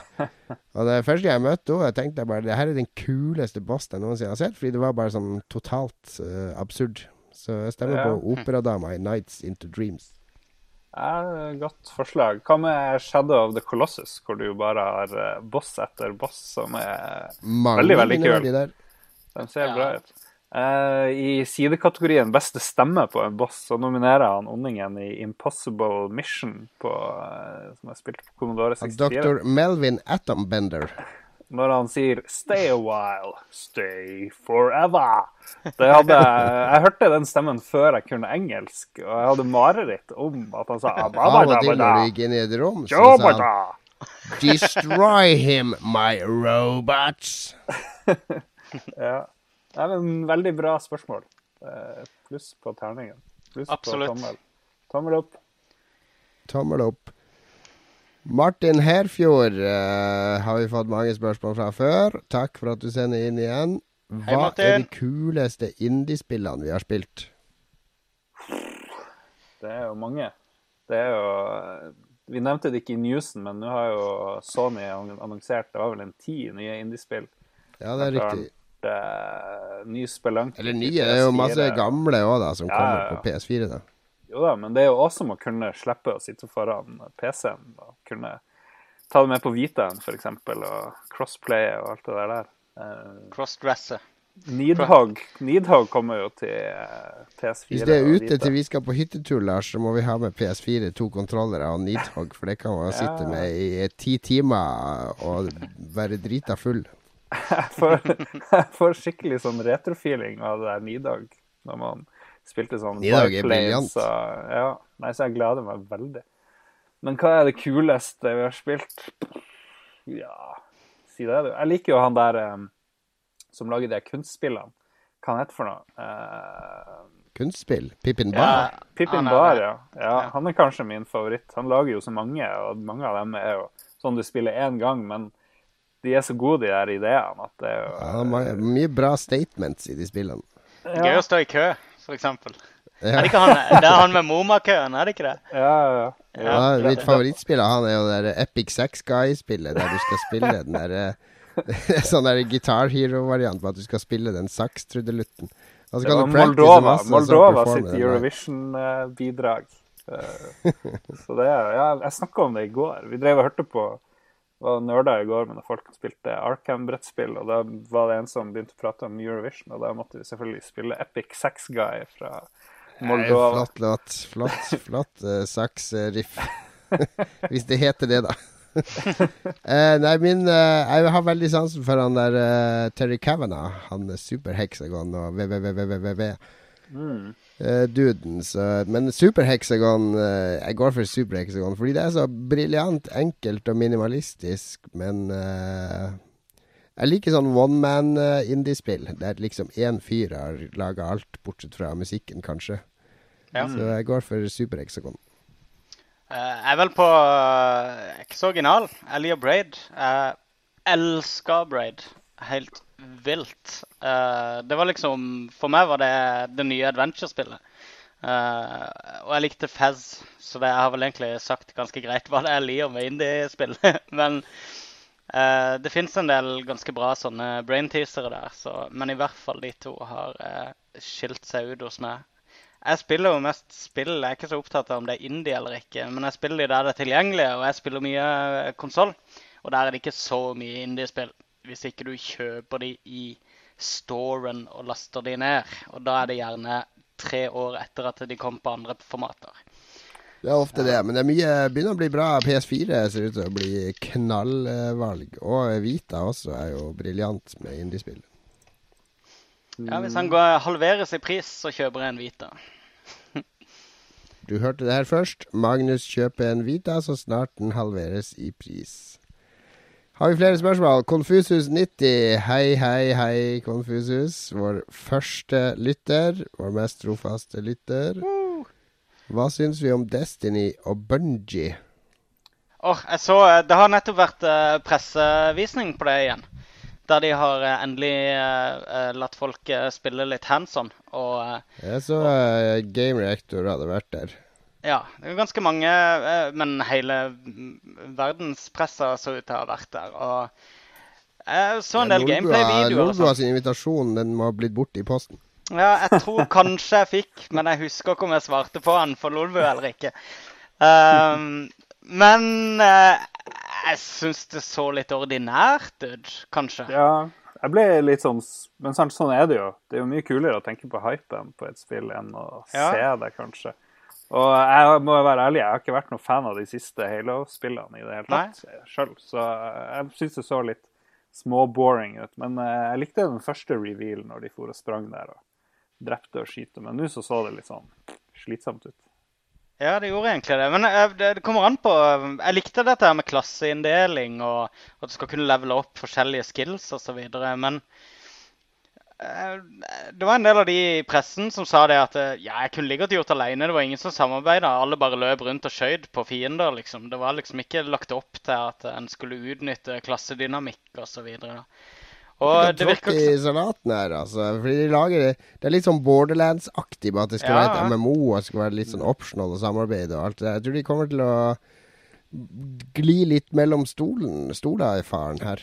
De prøver litt for mye å fornye et uh, gammelt konsept. da. Og så har de på en måte bare tatt uh, tak i sånne fire år gamle buzzwords. Og det var sikkert da mm. utviklinga begynte. Og uh, så har de klamra seg til det og kanskje ikke vært så dynamiske. Men, men for all del, har du sett grafikken på det? Det ser dødsbra ut. Altså visuelt sett er det jo topp, topp, topp notch. Så de, det de har vist frem nå, hvis det er veldig tidlig, og det egentlig er dødsmye kjøtt på beinet som, som de ikke vil avsløre så tidlig ut, så, så er det Men er det lagt noe- opp til at man skal være tre på hvert lag? Er det? Og skal man liksom fære rundt og styre, og så kan man bli griefa Ja, man kan bli liksom herpa på hvis ikke man er i en sånn her instance eller et eller annet, som jeg skjønte. Og det Jeg har jo mest okay. lyst til å spille alene, egentlig. Det er liksom veldig begrensa hvor mye tid jeg kan drive og finne et party og drive og styre seg veldig mye med andre folk. I hvert fall hvis jeg skal kjenne de, da. Men, ja. Du trenger ikke kjenne det. Det er jo Nei, poenget med det er jo internett. Men nei, nei, nettopp. Men det er jo kulere å liksom ha en gjeng, da. Men nei, jeg Jeg merker ikke. at det er veldig avventende. Men jeg så det var morsomt med et par folk på Twitter som sa Destiny, ja ja, ser greit ut, men uh, Destiny 500 pluss som jobber fulltid med. Og så har du det Ja. No Man's Land som det sitter fem stykk med i England og jobber med. Så hvis Lolbua da måtte velge mellom de to spillene, hva gleder vi oss mest til? Destiny eller No Man's Land? Lars? No Man's Land, er det det krigsspillet hvor du spiller? No Man's Land er det der uh, indiespillet som ble vist fram på uh, der Video Game Awards rett No før Man's jul. Sky. Den der tror det traileren der det er sånn random genererte randomgenererte planeter og romskip, og du Ah, skal, en gigantisk galakse, du skal kunne reise rundt og gjøre stort sett hva du vil. Og det er veldig sånn eh, tegnefilmaktig, eh, fargerik, eh, fin, veldig fin grafikk, men ikke sånn der superrealistisk detaljert, sånn som i Ja. Destiny. Men det, det er de som lagde det der eh, ja. motorsykkelspillet på PlayStation. Eh, Eh, hva heter det? det? Motocross Madness. Ja, det er stunt. Stuntraceren. Ja. Navn, navnet på spillet er vel han der duden. Ja, men det er de de som eh, lager det, og det spillet fikk jo bare sånn gigahype med en gang det ble vist ned traileren, fordi det ser bare ut til å være sånn her eh, drømmespill for alle som bare vil eh, reise rundt og utforske og leke seg. Kanskje litt Minecraft-aktig i presentasjonen sin, med at du kan skape ting og bygge ting og sånn. Ja, Hipsteren i meg vil selvfølgelig stemme på det. Det heter No Man's Sky, tror jeg. ikke No Man's Sky, ja. No Man's Sky, beklager. Hipsteren i meg vil jo satse på det, men jeg tror jo at det er stor fallhøyde med én dude som sitter og lager verdens mest ambisiøse spill, som sikkert aldri blir ferdig. Så jeg, jeg sier det uavgjort. Jeg ser like mye frem til de to. Nei, jeg går for No Man's Sky eh, uten tvil. Destiny blir sikkert kjempekult. Jeg gleder meg til å spille det, men jeg er redd for at det blir skytespillenes svar på Elder Scrolls Online. Det blir de prøver, Akkurat som Elder Scrolls Online prøvde å ta Skyrim, u, Skyrim ut og bli et online-spill, så prøver Halo-skaperne ut å ta Halo ut og bli et online-spill. Jeg tror de faller litt på trynet, sånn som de. Bare de lager litt bedre historie, for jeg skjønte ingenting etter Halo 1. Eh, Nei. så Den historien ga ingen mening til meg i det hele tatt. Jeg har spilt de fleste Halo-spillene. Jeg har aldri fulgt med i hva det handler om. Jeg synes Det er ikke noe problem. Du får kjøpe boka basert på Kjøp Halo 1. Boka. Så, Fuck it. Fuck Ja, men det, det er problemet mitt med jeg synes science fiction er ganske kjedelig sånn storymessig. Jeg hang litt med i uh, Mass Effect-spillene, men stort sett syns jeg det er kjedelige greier. Samme gjelder skytespill generelt. da. Det er sjelden jeg følger med i historien der. Ja, men det er fordi den er så dårlig. Det fins ikke noe dårligere historie enn i Battlefield. Ja, men sånn som i Call of Duty, så, så er du idiot hvis ikke du får med deg historien. Men stort sett så klarer jeg likevel å blokke det ut. Ja, men det er jo det er elendig. Det er ikke fordi du er idiot, det er fordi det er dårlig laget. Fordi det, det tenner ikke noe i det. Eh, Nei, det er jo vi- film. De viser vi- film mellom slagene. Det er jo sånn de forteller historie i Call of Duty. Så det er jo bare Ja. å gidde å se på, så får du med deg storyen. Men i, stort sett i science fiction-greier så prøver de så hardt, og alt skal være så vanskelig og komplisert og intrikat. Og det skal være bøker som skal backe opp de forskjellige teoriene. Og det skal være tekster og lydopptak du kan finne rundt omkring i spillet som skal, som skal liksom bygge ut storyen og sånn. Men det funker av og til. Det gjør det. Ja, av og til. Dead Space 1, det var kul story, syns jeg. Jeg, syns det var toeren for og treeren, skummelt. da falt det, for da ble det så mye religion og tull. Vi har fått inn et ekstra spørsmål før vi tar det siste som er på lista vår, som eh, All right, all right. passer for dagen. Uh, vi har fått spørsmål fra Tom Paulsen, som er en sånn uh, dude i Nord-Norge som lager spill, han og en annen. Og de hadde vel sin premiere her i mars, da det var Finnmarksløpet. En sånn hundeløp-greie. Så de hadde lagd spill til, til det, da, som var faktisk ganske morsomt. Det var veldig lite realistisk. Du kunne fly stort sett med den sleden av hundene og plukke opp raketter og fyke forbi og sånn. Men det er stemningsfullt eh, spill som heter Musher, som jeg anbefaler. Eh, og Han driver nå og lager nytt spill, og han lurer på om eh, vi har noe favoritt blant noen navneforslag han har. Det blir en sånn shoot them up, eh, 8-16-bits-aktig, hvor du har et romskip og så skal du skyte sånne her squares rundt omkring. Så han har lista opp noen navn, og så lurer jeg på om vi kan eh, om vi har noen favoritt. Så jeg bare, jeg bare sier det her, så kan dere bare si fra hvis dere liker noen av de her. Ja. Uh, hello UFO. Worship the spaceship. Astronom. Space cadet. Universe lost. No space for you. Crush the aliens. Space Ed og Captain Spacey. Jeg tror jeg liker Hello UFO. Jeg syns det var eh, ganske Ja, jeg, morsomt. jeg likte No Space for You. Jeg likte. Hva var det den andre som sa? Worship the spaceship. Nei, etter Hello UFO. Var det worship etter den? Ja, så kom astronom og space cadet og Nei, Hello Lost. UFO var best. Ja, det var det. Greit. To mot én. Da er du det bestemt. Da blir det det. Yes. Så har vi det siste spørsmålet Ja. vi har fått. Og det har vi fått fra Hatlisen, som spør Hvilket spill ville vi anbefalt til Stalin, Mao, Pol Pot og Kim Jong-un? Altså et spill en diktator verdig. Oi, det er Hatlisten som lurer på det her. Ja. Det må jo være et spill med ganske um, begrensa AI og ganske begrensa muligheter for eh, Ganske lav vanskelighetsgrad og eh, store muligheter for suksess. Eh, så hvor er vi? Ja, Du vil jo, vil jo ikke at f.eks. Stalin skal sette seg ned og spille Dark Souls, og så ende opp med å kaste kontrolleren i veggen og henrette eh, 1000 fanger Nettopp. i kjelleren. Det- Det var et Commodore 64-spill hvor du hadde masse folk stilt opp langs en vegg, og så skulle du skyte bare bortover. Og så datt de ned. Jeg husker ikke hva det het, men det var, det var sånn morsomt på en, for en tiåring. Nei, indiespill er best. Så jeg tror det kunne vært Jeg syns kanskje, kanskje de burde spille Flower, alle sammen. flower er et godt valg. Ja. Jeg tror nok det er det Kim Jong-un jeg, jeg føler det er liksom det som foregår inni hodet hans uansett hele tida. Men tenk nå, du har en ganske stressende hverdag. Du er redd for eh, at du skal bli assassinata, Du har, eh, må holde styr på familien. Du må kanskje ta livet av en onkel eller et eller annet som driver og ypper. Generalene må ikke få for mye makt, og du må eh, forhandle med utlandet. Du må bestille billett til Dennis Rodman, som skal komme ned til Nord-Korea. Hva gjør du da når du er ferdig med arbeidsdagen? Du vil jo ikke ha noe sånn heavy, heavy shit. Jeg vet ikke. Civilization. Jeg ville kanskje gå der, da. Litt sånn rolig og avslappende. Så Men Ja. uh, Fra Francis Underwood i uh, House of Cards, han valgte jo, på tross av en veldig hektisk politisk hverdag, å uh, ja. ja, spille det, Call of Duty og Det er ganske gjerne hjernedødt å sitte og spille Call of Duty. ja, det er jo Det er jo det. det, er jo det. Ja. Jo, men jeg tror kanskje jeg er enig der, da. At, Call of Duty er kanskje Men det måtte vært liksom et eller annet Ja, jeg, jeg kunne sagt Ja, Call of Duty kanskje. Men det, det tror jeg kanskje vil hisse de opp og gi de ideer. Kanskje et Har MMO ikke eller noe. Nord-Korea allerede brukt sånne videoklipp fra Call of Duty i propagandavideoer? Jo, stemmer det. Stemmer. Så jeg tror han Kim. Jong-un allerede har spilt uh, Call of Duty. Ja ja, det må han jo ha gjort. Jo. Det heter sikkert noe annet der, og litt andre fiender. Ja, nei, jeg syns de de kan uh, Jeg syns de kan spille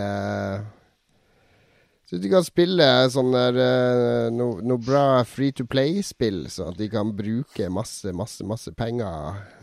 Da, fy, da fyker jo hele greia, da. Da har du jo hele statsbudsjettet går med til å til til å kjøpe inn sånn derre med til å kjøpe kålrabi i et I eller annet Farmville, ja. Vet du hva, jeg hørte fra, fra en, en uh, kar i, i Finland som jobber ganske tett med finske spillutviklere. Han hadde snakka med de her, eh, ganske mye kontakt med de som lager Clash of Clans, som jo er et av verdens mest eh, populære gratisspill. Mm. Og litt eh, De sa at de folka som brukte mest penger i spillene sine, altså de big spenderne som brukte sånn her 3000-4000 euro i måneden, det var nesten utelukkende advokater og sånne der, Sånne toppledere i, i bedrifter. Altså folk med millionlønninger som spilte det for å koble av. Og de kjøpte de, de, Det var de som la igjen masse, masse penger i de spillene. Ja. De får dekket telefonregninga si uansett. På Men det går ikke på telefonregninga. Ja, det går jo appkjøp. eh, Ja, ja. går jo kom, det, Det går på kredittkort. Ja, det går på eh, Nei, det går ikke på telefonregninga, det går på kortet som er registrert på. Det er sikkert firmakortet, det for de Ja. må kjøpe apps og ting og tang, så Men de har råd til det uansett. De hadde brukt det på golfkølle uansett. Så det, Ja, ja. Men er det da så ille med free to play, hvis alle free to play-pengene kommer fra kapitalister, altså disse store industriherrene, disse som sitter og tjener seg rike på arbeidernes uh, Men problemet med free to play er jo ikke Problemet med free to play er jo ikke at de tjener mye penger. Problemet er jo at det er så kjedelig å spille det, fordi de har ribba de for moro. Fordi at alt Sier mannen som har brukt de to siste ukene på Heartstone. Ja, og jeg har slutta å bruke penger i det spillet. Ja, men du spiller det jo. Ja. Tydeligvis. Ja, men det er ikke noe galt i det. Okay, Nei, men det, er, det, er, det Du sa jo nettopp at free to play-spill er rippa for moro. Ja, men det er de, de aller fleste er jo dårlig balanserte på akkurat det. Men uh, Altså Dota 2 og Nei, det har jeg ikke Ja, spilt. Slutt nå å komme med de her tre bra free Ja, to nettopp. play-spillene. ikke. Ting- Hearthstone er ganske bra uh, uh, balansert, men jeg syns det er litt for gjerrig på gullet. De kunne godt delt ut litt mer gull. Men så lenge du bruker på, du må ikke bite på når Jon troller. Det er bare Det kommer Nei, ingen men det, vei. det, dette er sånn meg og Jon Cato tar alle Det er sånn det alt begynner. det er i utgangspunktet ingenting galt med free to play-modellen, så lenge Nei. du føler at de kjøpene du gjør, er verdt det, og at du ikke blir føler at du fortsatt ligger bak etter du har brukt litt penger. For det er sånn som deg, Magnus, jeg har brukt litt penger, jeg har kjøpt litt boosters i Hearthstone, Ja. og nå føler jeg at jeg ikke trenger så mye flere boosters. Det er selvfølgelig en del kort jeg ikke har, men jeg kan krafte meg fram til noen kort. Jeg får litt kort her og der i arena-mode og sånn.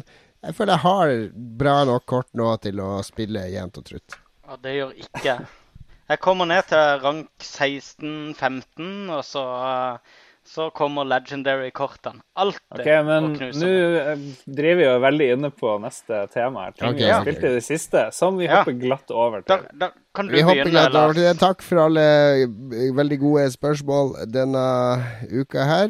Jeg er alltid glad for å få spørsmål. Det er også lov å sende inn spørsmål når man har lyst. Det er bare å tweete til oss etter Lolbua. Det stemmer. Skal vi se. Jon Cato, eh, du har ordet allerede. Fortell Ja, jeg har spilt har spilt litt i det eh, av hvert i det siste, bortsett fra Android Netrunner, som er Nei da. Eh, jeg, jeg, har, jeg har spilt um, eh, noe vi Jeg kan snakke litt om Child of uh, Time, er det det det heter? Ubisoft Child of Light. Har dere spilt det?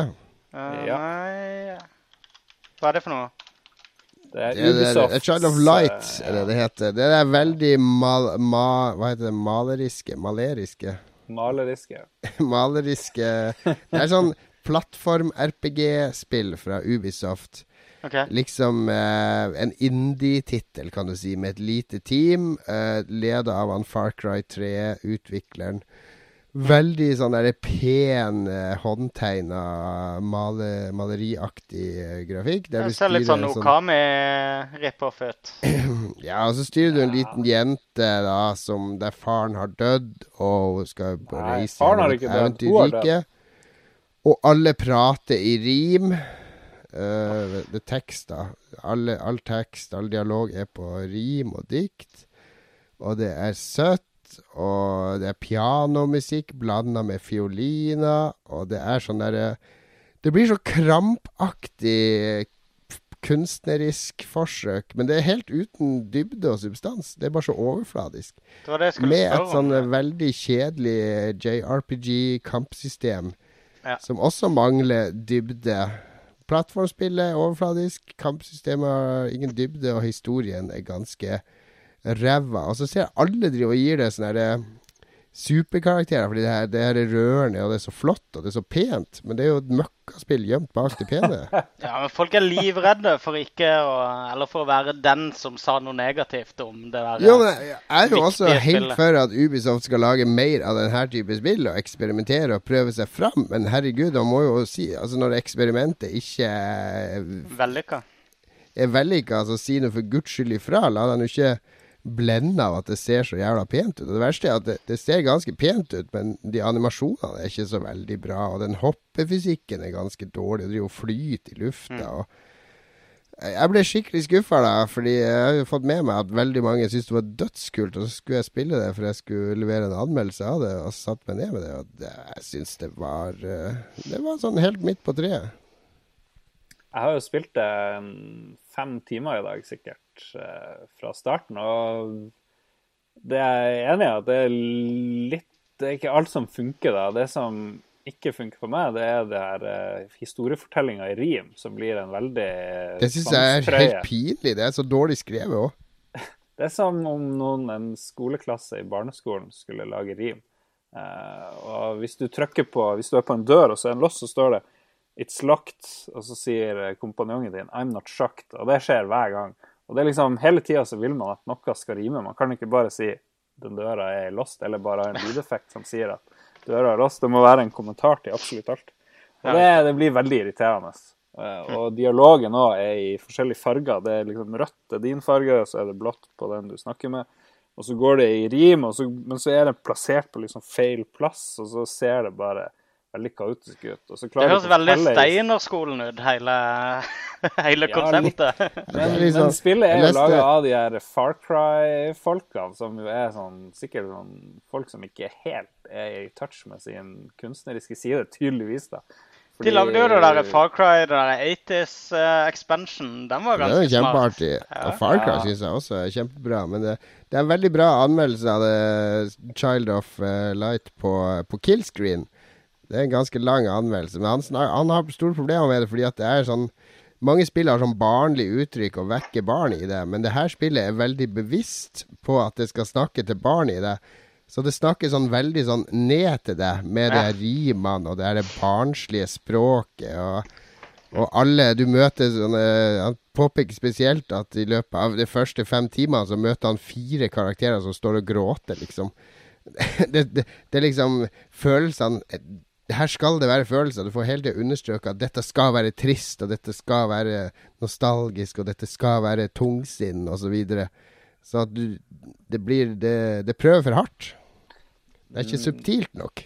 Men jeg tror en del folk vil like spillet. Jeg er ikke så enig i at jeg er ikke så enig i kritikken din at jeg vil bare avfeie det som et drittspill. Det er jo det, gameplay, gameplay er helt OK. Det finnes mye bedre ting å spille hvis du vil ha noe, eh, en følelsesmessig journey.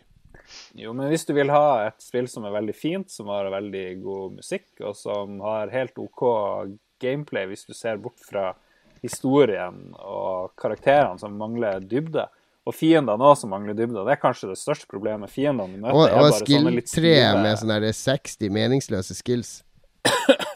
Ja, det er litt slitsomt, det der skill-treet. Det det. det du får opp et rutenett, og så ser du alle rutene, og så begynner du et sted, og så må du liksom bevege deg rundt. Og det er, det er litt for mye. Men Ja, jeg syns Jeg vil Hvis folk vil ha et veldig pent og litt sånn franskaktig eh, rollespill, eh, hvis man elsker pene ting og fin musikk og Det er jo en rolig stemning. Det er jo ganske rolig. Og der Hovedpersonen kan begynne å fly sånn etter bare en times tid, eller noe sånt, så kan hun begynne å fly rundt på brettene. Og det er jo veldig behagelig, syns jeg. og Man slipper å springe og hoppe og dobbelthoppe og styre. Man kan bare fære dit man vil, på et vis. Ja. Så er Helt helt OK spill. Ja. Har har du dere spilt? spilt noe annet enn Heartstone, eller? Nei Jeg har lasta ned, eh, ned det Warface for Xbox 360. Jeg har ikke begynt på den. Er det noen av dere som har spilt den? Nei var det, Er ikke det nok et free to play-spill som du hater? Jo, men eh, jeg fikk, eh, jeg fikk tilsendt en haug med credits til det. Så jeg tenkte jeg skulle teste det ut. Uh, jeg skal jo ikke anmelde det, så, uh, så jeg tar gladelig imot uh, eh, alt som kommer av gratis credits til denne type spill. Så eh, om noen dager til så kommer de inn på den der eh, kontoen min i spillet, og da tenkte jeg å begynne å teste det ut litt. Det er et online skytespill. Det er en gøyal sjanger, det. Er det ikke det? Det var ikke det spillet som fikk så mye Eller husker jeg feil? Det fikk så mye kritikk fordi de lagde sånn kvinnelige soldater som har sånn der eh, minimalistiske skjorter, og de har mye mindre klær enn mannene da. Og Nei, går det var ikke det, var det det? Sko og. Var det det spillet? Er ikke det Crytek-spillet? Eh, Warface er Jo, jo det er Crytek. kanskje det. Det der med de helt drøye De der der alle Så du fikk en haug med gratis penger å bruke i spillet, og du, det er kvinnefiendtlig kvinnesyn i spillet, da, og det er gratis. Da kaster du deg over det. Er det så å forstå? Nei, men er det det spillet? Der de har sånne kamo-bikinier og sånn, alle damene? Ja, og mennene har så svære rustninger og Uff da. Ja, ja. Ok, jeg har tenkt på et annet spill. Det er Crytek. Der, ja, nettopp.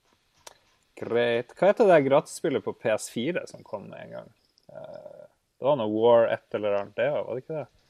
Eller er det Warface? Uh, og det der eh, der du kunne spille sånne 256 stykker på en gang, er det det du tenker på? Mm, mm, mm, Var det ikke noe sånn De hadde et sånn sinnssykt ambisiøst multiplayer-spill. Ja, der- det er de- Warframe. Det er Warframe jeg tenker på. Ok. Det er, War, det er Warface som fikk all den kritikken. Ja, den, det stemmer det, altså. Jeg, jeg husker den kritikken. Jeg, ja. Men Du har ikke prøvd det ennå? jeg har ikke testa det ennå. Det ligger Ja, men jeg har et spill til jeg kan snakke om. Det er ikke kommet ennå. Men det heter eh, Evolve. Har dere hørt om det? Ah, Det, er- Ja. det er de som lagde Left for Dead 1 og 2, Turtle Rock. Oh, ja. Eh, det var jeg i København og spilte på eh, tirsdag. ja. Og det er uh, I Left for Dead så er det jo fire stykk uh, i en sånn zombiekatastrofe som skal prøve å overleve og hjelpe hverandre. Og har liksom litt sånn ulike roller. I Evolve så er man fire stykk uh, som skal jakte på et digert, svært monster i en Ja, jungel. det er det, ja. Ja. Ja, og den kule her da er jo at det er en femte spiller da som styrer monsteret. Mm. Eh, og de fire rollene de er jo da en uh, trapper, som er en slags jeger. Han kan putte ut sånne lydsensorer rundt omkring i jungelen, så at hvis monstre går i nærheten av de, så får han sånn her indikator på at monsteret er der nå. Og så kan han lage en sånn eh, artificial dome rundt området de står i, sånn at de fanger monstre inni en sånn kuppel i et halvt minutt. Og kan gjøre masse skade på monsteret uten at det klarer å stikke av. Fordi monsteret er mye raskere enn enn de menneskene. Du har han trapperen, og så har du en sånn assault guy som har sånn lightning gun og assault rifle. Han er liksom damage dealer. Og så har du en medic da som kan, uh, kan snipe monstre og avsløre sånne svake punkter i rustningen, sånn at de kan gjøre ekstra skade og heale de andre. Og så har du en sånn support som kan gi skjold til de andre og kalle inn sånn airstrike og sånn. Og de fire der da må da løpe i lag i jungelen. Først går spillet ut på å finne det monsteret der, fordi du har masse lyder altså så masse dyr i den jungelen som kan skade deg og sånn, så man driver og løper rundt, så man har jetpacks og fer rundt i jungelen. Og lytte etter monstre, og hvis noen må man kommunisere hele tida. Og helst gå litt sånn samla, fordi det er livsfarlig å gå alene. Og så finner man monstre, så da får det inn en sånn dome og kjemper mot det, og medicen må opp i høyden. Fordi monstre prøver ofte å ta medicen først, sånn at du ikke kan heale de andre skikkelig kaotiske kamper. Og, og så må man skade skade, skade monstre. Og monstre skal rundt og hvis du spiller monster, da, så skal du rundt og spise dyr, da. For du skal ha nok energi til å evolve. Har, da får du nye krefter. Og helt til du kommer til fase tre, da kan du drepe de andre, eller ta en sånn generator, sånn at hele brettet sprenges. Da har du vunnet. Og de andre må beskytte da generatoren. Og det var så utrolig nervepirrende, spesielt når jeg var monsteret. Jeg var monsteret to ganger. Da. da er du helt alene da, og alle de andre og jakter etter det. Og du driver og løper og løper og hopper og gjemmer meg opp på klippa og, og spiser dyr og Nei, det var, det var noe helt annerledes multiplayer-spill, altså. Veldig kult konsept. Var det Ba- Bioshock 2 som hadde en lignende uh, multiplayer-mode? Det kjenner jeg ikke til. Der én var Big Daddy, og de andre var mennesker. Det kan Som, hende. sp- som splicere. Jeg husker, jeg, jeg husker det der Det var et sånt E3-spill, var det ikke det? Det der Evolve. Ja, jeg tror de annonserte det på E3. Det kommer nå til høsten. Det er Eh, men det kule er at monsteret er jo svært. da Det er jo sånn 20 meter høyt. eh, og skikkelig raskt. Og det kan hoppe sånn 100 meter og klatre opp klippevegger. Litt sånn som King Kong i King Kong-filmen. I, be Men, i bevegelse. Hva er greia med Evolve? Er det sånn at du kan utvikle det? At, Ja, han eh, kan utvikle seg og få kraftigere powers. Altså Hvis han utvikler seg nok, så, så blir det sånn showdown. Men hvis de henter han klarer å drepe han De vil helst klare å drepe han før han blir eh, nivå 3, da. ja, riktig. Uh, men det er uh, ja, Jeg gleder meg litt til det, men det er litt sånn begrensa òg, der, fordi eh, som hunter altså, Du blir liksom gjør det, det samme hver gang. Løper rundt og prøver å finne det monsteret og fange han litt og skade han litt. De tar jævla mye skade òg, da. Altså, de skyter på det monsteret i tre minutter før det er dødt. Men det er helt sikkert taktikker ikke sant, som ikke er oppdaga ennå. Så Ja, Det det, blir jo sikkert mye det, da. ulike powers og våpen man skal kunne tilpasse figuren til egne spillestiler. Og ting. Men du blir veldig tvungen til å spille den rolla du har, da. Altså Medicen kan ikke begynne å tro at hun skal drive og skyte på monstre for å drepe det. ja, riktig. Hvis, må holde, alle må holde seg til rollene sine. Så det er Left for Dead med én motstander og klasser. Ja, det er, er det like- ja. Men det det var like- utrolig kult, fordi andre gang jeg var monster første gang, Det var ingen som klarte å vinne som monster, da. Fordi de spillerne ble guida ganske bra, da. Og teamwork var helt på topp. Men andre gang jeg var monster, da var Rune Fjell Olsen kommet ned til København, da, så han skulle være en av de hunterne. Og da Han klarte jo å gå sånn der helt på sida av eh, Eller som han sjøl sa, jeg trodde de andre var rett bak meg. Så jeg klarte jo å ta han helt alene opp i et sånt skogholt og denga. Det er ganske morsomt å slå de som monster, fordi du kaster de veggimellom. Og Å ja, ja. ganske brutalt. Så jeg klarte jo å drepe han, og da falt jo de andre på rekke og rad. Så jeg klarte, jeg var den første som vant som monster da. Og da jeg hadde vunnet der, jeg var helt skjelven i hele kroppen der, fordi det var så intenst. En av de tingene som var veldig bra med 4 Dead-spilleren, var liksom dramatikken i omgivelsene. I, i atmosfæren, da. Uh, Det var veldig kul atmosfære her. og Ja. Musikken altså, det er fullt av dyreliv i det her jungelen, og lyder og sånn. Og så monstre må passe deg hvis det er sånn flokk med fugler eh, som du løper for nært. Så flakser de opp, og da hører hunterne eh, hører, OK, 200 meter øst så er det sånn fugleflokk som Letta, altså. Der må monsteret være, ikke sant? Uh, det høres jo dritfett ut. Men det høres jo veldig eh, Men det virker på meg som de, det er vanskelig å ha det som et sånn fullprisspill. Jeg tror ikke det er noen sånn singleplayer, og det er, vel, det er jo rent online-spill. Det er Ja. Og det er litt begrensa. Det, er jo bare én spillmodus òg, så vidt jeg har skjønt. Så enten er det monster, eller så er det en hunter, og det er jakt på hverandre. Det er ikke masse forskjellige moduser. Så jeg vet ikke hva slags businessmodell de har planlagt på det. Men Hvilke det skal i hvert fall bli flere monster med ulike ferdigheter osv., så, videre, så det er kult. Hvor skal det lanseres? Hvilke plattformer? Det er kun next gen. PS4, Xbox One og PC. Ja. Og det er jo kult, det òg. At det kommer spill, ja? Ja, at de satser fullt på neste generasjon, og ikke driver Ja. og holder tilbake for at vi må lage en 360 og PS3-versjon òg.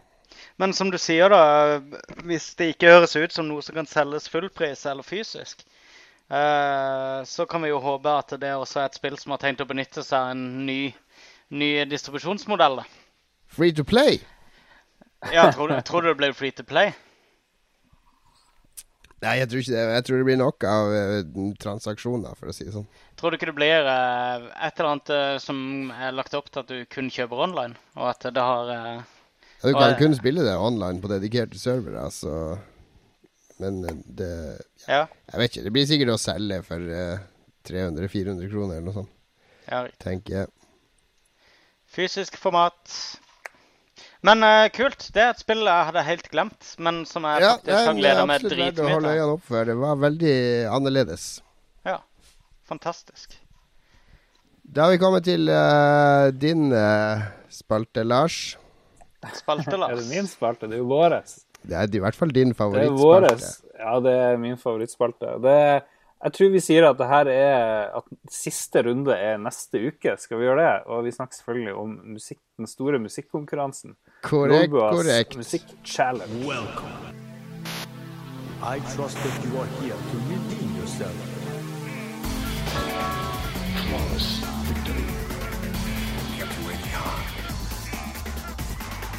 Are you ready, young one?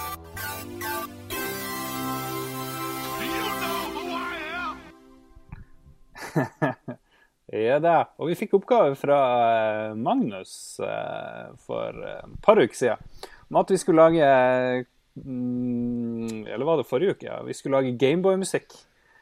Ja, Siden det var det var 25 år siden. Så jeg fant tak i det her online browser-programmet som jeg har glemt hva heter for noe. Hvor du enkelt og greit kan Pulseboy.com eller noe sånt. Pulseboy. Jeg sier enkelt og greit, men det er ikke så enkelt og greit, egentlig. Det er litt vanskelig. Du kan ikke undo stuff hvis du plutselig deleter ting, ikke som jeg har klart å finne ut. Så det gjelder å save ofte. eh, Ja, old school hardcore uh, track editing.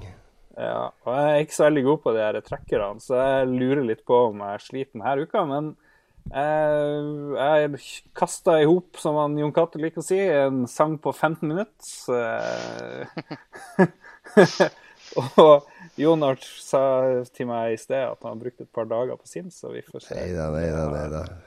Har Snak- gitt uttelling? Er hver er gang vi har denne Hver gang vi har denne konkurransen, så bruker begge det sånn Å, nei, jeg, jeg har brukt minst tid, og Ja, nei, jeg hater han egentlig, og jeg satt bare og flirte mens jeg lagde denne her. Det er egentlig drit, og Og her er en femminutters sånn eh, advarsel om alt du må tenke på når du hører denne sangen her. Disclaimer.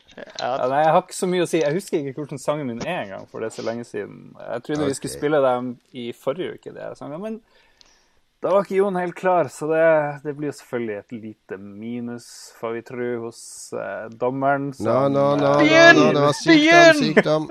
Begynn! Nei, OK, da. Hvem skal spille sin sang først, her, Jon? Hva er det Nå du har har du lasta inn? introdusert din sang omtrent. Så Jeg har ikke introdusert noe som helst. Det var en vakker introduksjon. Det er i hvert fall mitt forsøk på en uh, Gameboy-sang. Uvisst hvilken sjanger.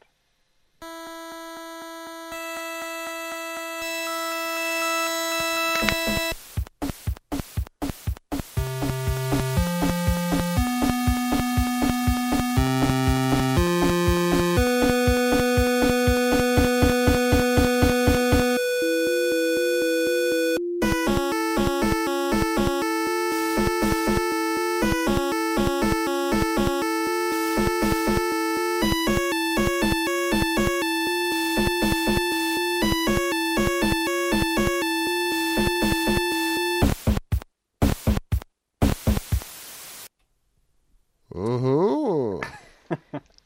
Jeg kjøper den. Jeg kjøper den. Det høres ut som en Kunne vært et Gameboy-sang. ekte spill. Ja, absolutt. Ikke, ikke det aller, aller, aller siste der med de trommene. Det høres litt off ut. Men alt det andre høres ut som et Gameboy-spill. Ja, kan være enig i dommen der, altså. Ja. Og Jon Jo, det Cato var, det var bedre enn eh, Du så Du la det jo ut så det skulle være bare dritt, men det var jo bedre enn bare dritt. ja, Det var Så dritfett. Det var ordentlig old school. Det var ganske bra. Ganske bra. Eh, nei, jeg, jeg brukte sånn 40-45 minutter på min. Eh, følte meg veldig komfortabel med at det var tracker, så det gikk egentlig ganske raskt å jobbe i den. Og det var egentlig enkel og grei å bruke med å kopiere og modifisere og, og ja, bytte mellom instrumenter og mute. Og jeg brukte ikke så mye tid på de her skruknottene over der. Så hadde det sikkert blitt litt kulere. kulere. Det var eh, mye knapper i det programmet der. Det var... ja, det var artig, artig program. Begynn! Her kommer da mitt, eh, mitt bidrag til ukas eh, musikkonkurranse.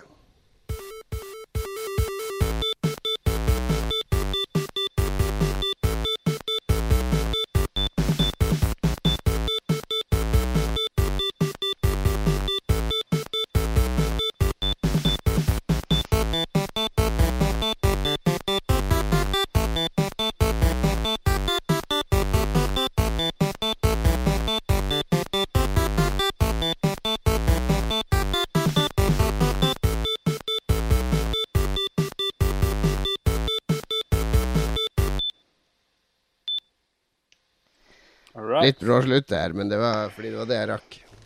Ja. Nei, det var ikke dårlig, det der. Um, jeg tror at det kanskje høres litt mer Super Nintendo ut enn Gameboy. Men bortsett fra det så syns jeg Sorry, Lars, men der syns jeg det var store slem hos uh, Jon Cato. Ja, når, det? når vi måtte jobbe med ordentlig tracker og ikke det der uh, garasjebandjukset, så kommer sannheten for en dag, eller? Ja, jeg vet ikke helt. Jeg vet ikke helt. Det bli, eh, Det høres ut som dommeren å avgjøre. det kunne vært et brett i Earthbound eller et eller annet sånt. Det, Oi, ja, ja, men det, det, det var- Nå ble jeg stolt. Ja, jeg tenkte du ble glad for den sammenligninga. Jeg ville ikke gått så langt, men ja, det var en bra sang. Ja, men det var en ganske artig tracker å bruke pulseboy.com. Eh, ganske lett å lage litt småfancy Gameboy-aktig chipmusikk, faktisk. Mm. Ja, absolutt. Da trenger vi en oppgave til uh, den store finalen i neste uke. Og da lurer jeg på om vi skal invitere allerede nå uh, Jostein Hakestad uh, som overdommer. Så kan han sikkert være med hele sendinga frem til den store finalen. Skal vi høre på alle bidragene da i neste program? Jeg tenkte jeg skulle foreslå at man Det er jo noen sanger vi har eh, hatt sånn her eh, en halvtime på å lage og sånt, så vi kan flikke litt på dem. Og så kan vi ta med våre samlede verker, og så kan han høre på det og eh, komme med sin eh, Jeg ser sin dom. Magnus sitter her og himler med øynene allerede. ja, men eh, d- da kan dere Vi begynne med det jo klokka under syv, ett og så minutt. kommer jeg, kommer jeg inn klokka ni, og så har vi vanlig sending. Med, Men, jeg, men det, det morsomme i neste program er jo at jeg har jo snakka med noen av Magnus sine gamle venner og fått tak i litt musikk som Magnus har laga i gamle dager. Så det skal vi jo krydre litt med, med noen highlights fra Magnus sin musikkarriere. Ja, det blir gøy. Det blir gøy. Da kommer jeg på ni. Um, ja. Hva slags tema skal vi ha? Skal du velge tema for oss, eh, Magnus? Ta Gameboy-musikk en gang til, syns jeg. Laga i Kongsborg. Du, du likte den sjangeren? Eller kanskje vi skal si Super Nintendo, Jon Cato? um, nei, eh, hva har vi? Ja? Vi har jo arbeidertematikk denne gangen. Eller politisk tematikk. Kanskje eh. noe 17. mai-relatert? Oi, det var en god idé. Men vet du hva? Jeg tror vi skal vente med det til neste uke igjen. Nei, for det, det er finale nå til uka, var Det det du det er siste neste.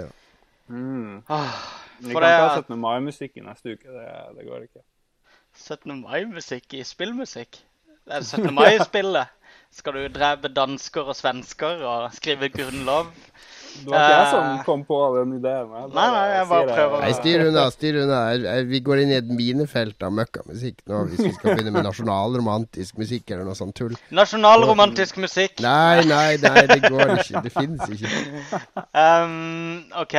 Du, eh, Eurovision Eurovision er jo straks. nei, ja, men det, det har ikke noe med spillmusikk å gjøre. Nei, det har ikke det. Nei, det har det ikke. Det fins jo eh, det der Og Epic Sexboy-spillet. Det er jo eh, spillmusikk. uh, Kanskje en remix av Epic uh, Sex Guy-riffet? nei, nei, nei, nei. Ikke gi mannen dårlige ideer. Uh, jo, gi meg dårlige ideer. uh, nei, jeg er litt blank. Um, jeg pleier å klare å tenke ut de der oppgavene til dere hver gang.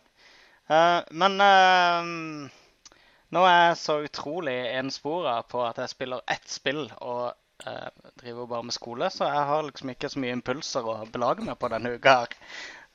Så Skal du lage musikk til Hearthstone, er det det du sier? Eh, det kan jeg godt gjøre, for det, fins ei låt til det der spillet der. jeg, jeg overdriver ikke. Jeg våkner om morgenen med den melodien på hjernen. Det er helt sånn, Jeg hater han. Jeg hater han intenst. Du kan ikke lage til Heartstone, det går ikke. Det for- fantasy-kortspill. Lag en ny låt til Hearthstone som ikke er så ræva. Lag um, La, eh, kommer, La- la vel eh, låt. nå har jeg en god idé. Det kommer, eh, Mario Kart kommer jo om eh, fire uker. Hva med å lage en låt til neste Mario Kart? Jeg er med på det. Ja. Litt, eh, det er jo litt Det, det det er jo et egen tema, det. Det er kart, Mario Kart-musikk. Ja, for det at nå er det jo vår, og da kommer jo eh, eplekartene på Ja, trærne, f.eks. seriøst, så dere eh, Jeg ble sittende og se på den der Nintendo Directen om Mario Kart. Herregud, så morsomt det spillet ser ut. For Det har vært mye dårlige Mario Kart opp igjennom. Mm. Eh, det lenge siden Eller det, det på DS, det var dødskult til Mario Kart 7. Men det her ser jo helt fantastisk kult ut, den der uh, Nintendo Directen. Og de har til og med laga sånn våpen som beskytter deg mot uh, blåskjellet og, og det som alle folk hater. De der uh, instant kill-greiene. Jeg ikke. Ja, Eh, ja.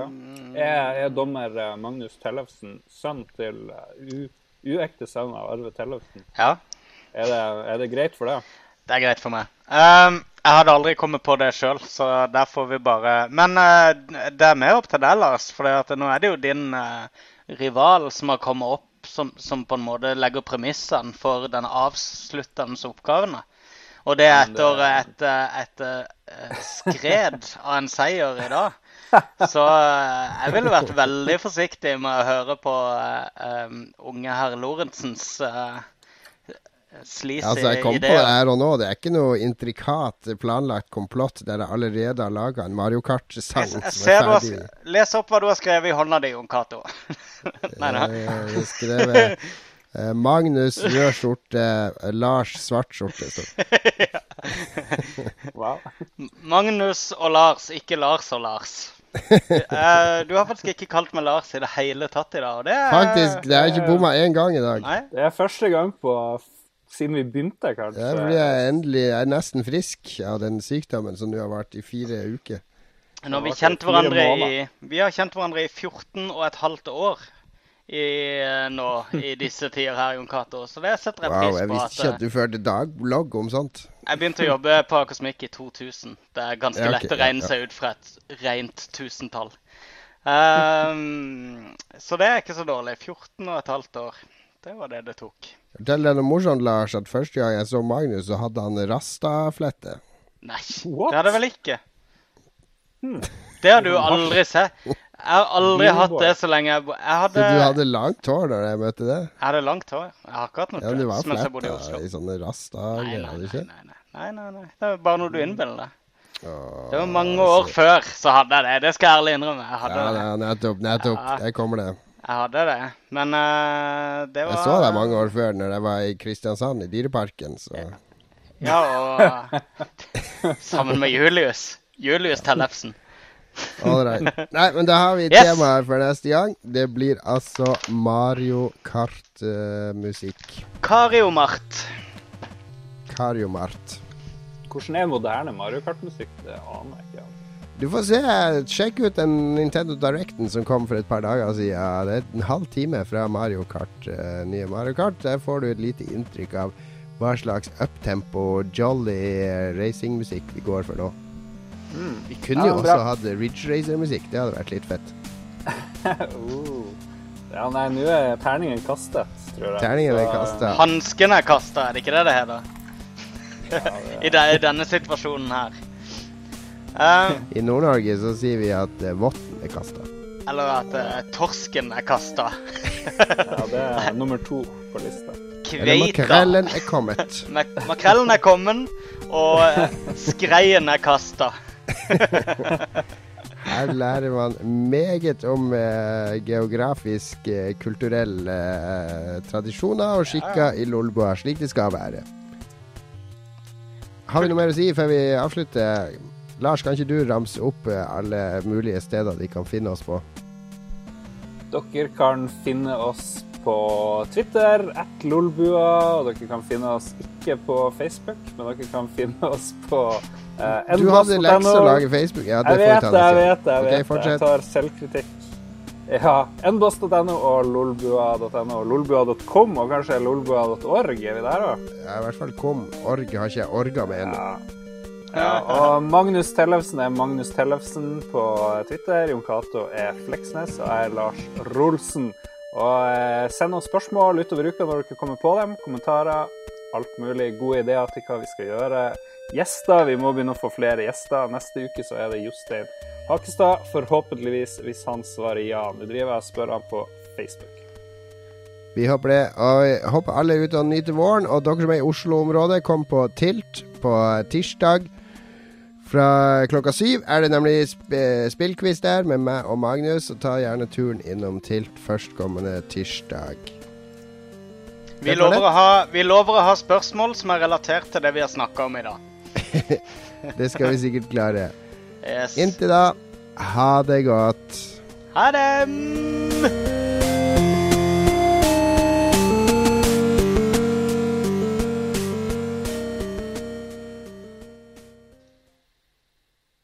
Har du et enkeltpersonforetak eller en liten bedrift? Da er du sikkert lei av å høre meg snakke om hvor enkelt det er med kvitteringer og bilag i fiken, så vi eh, gir oss her, vi. Fordi vi liker enkelt. Fiken superenkelt regnskap.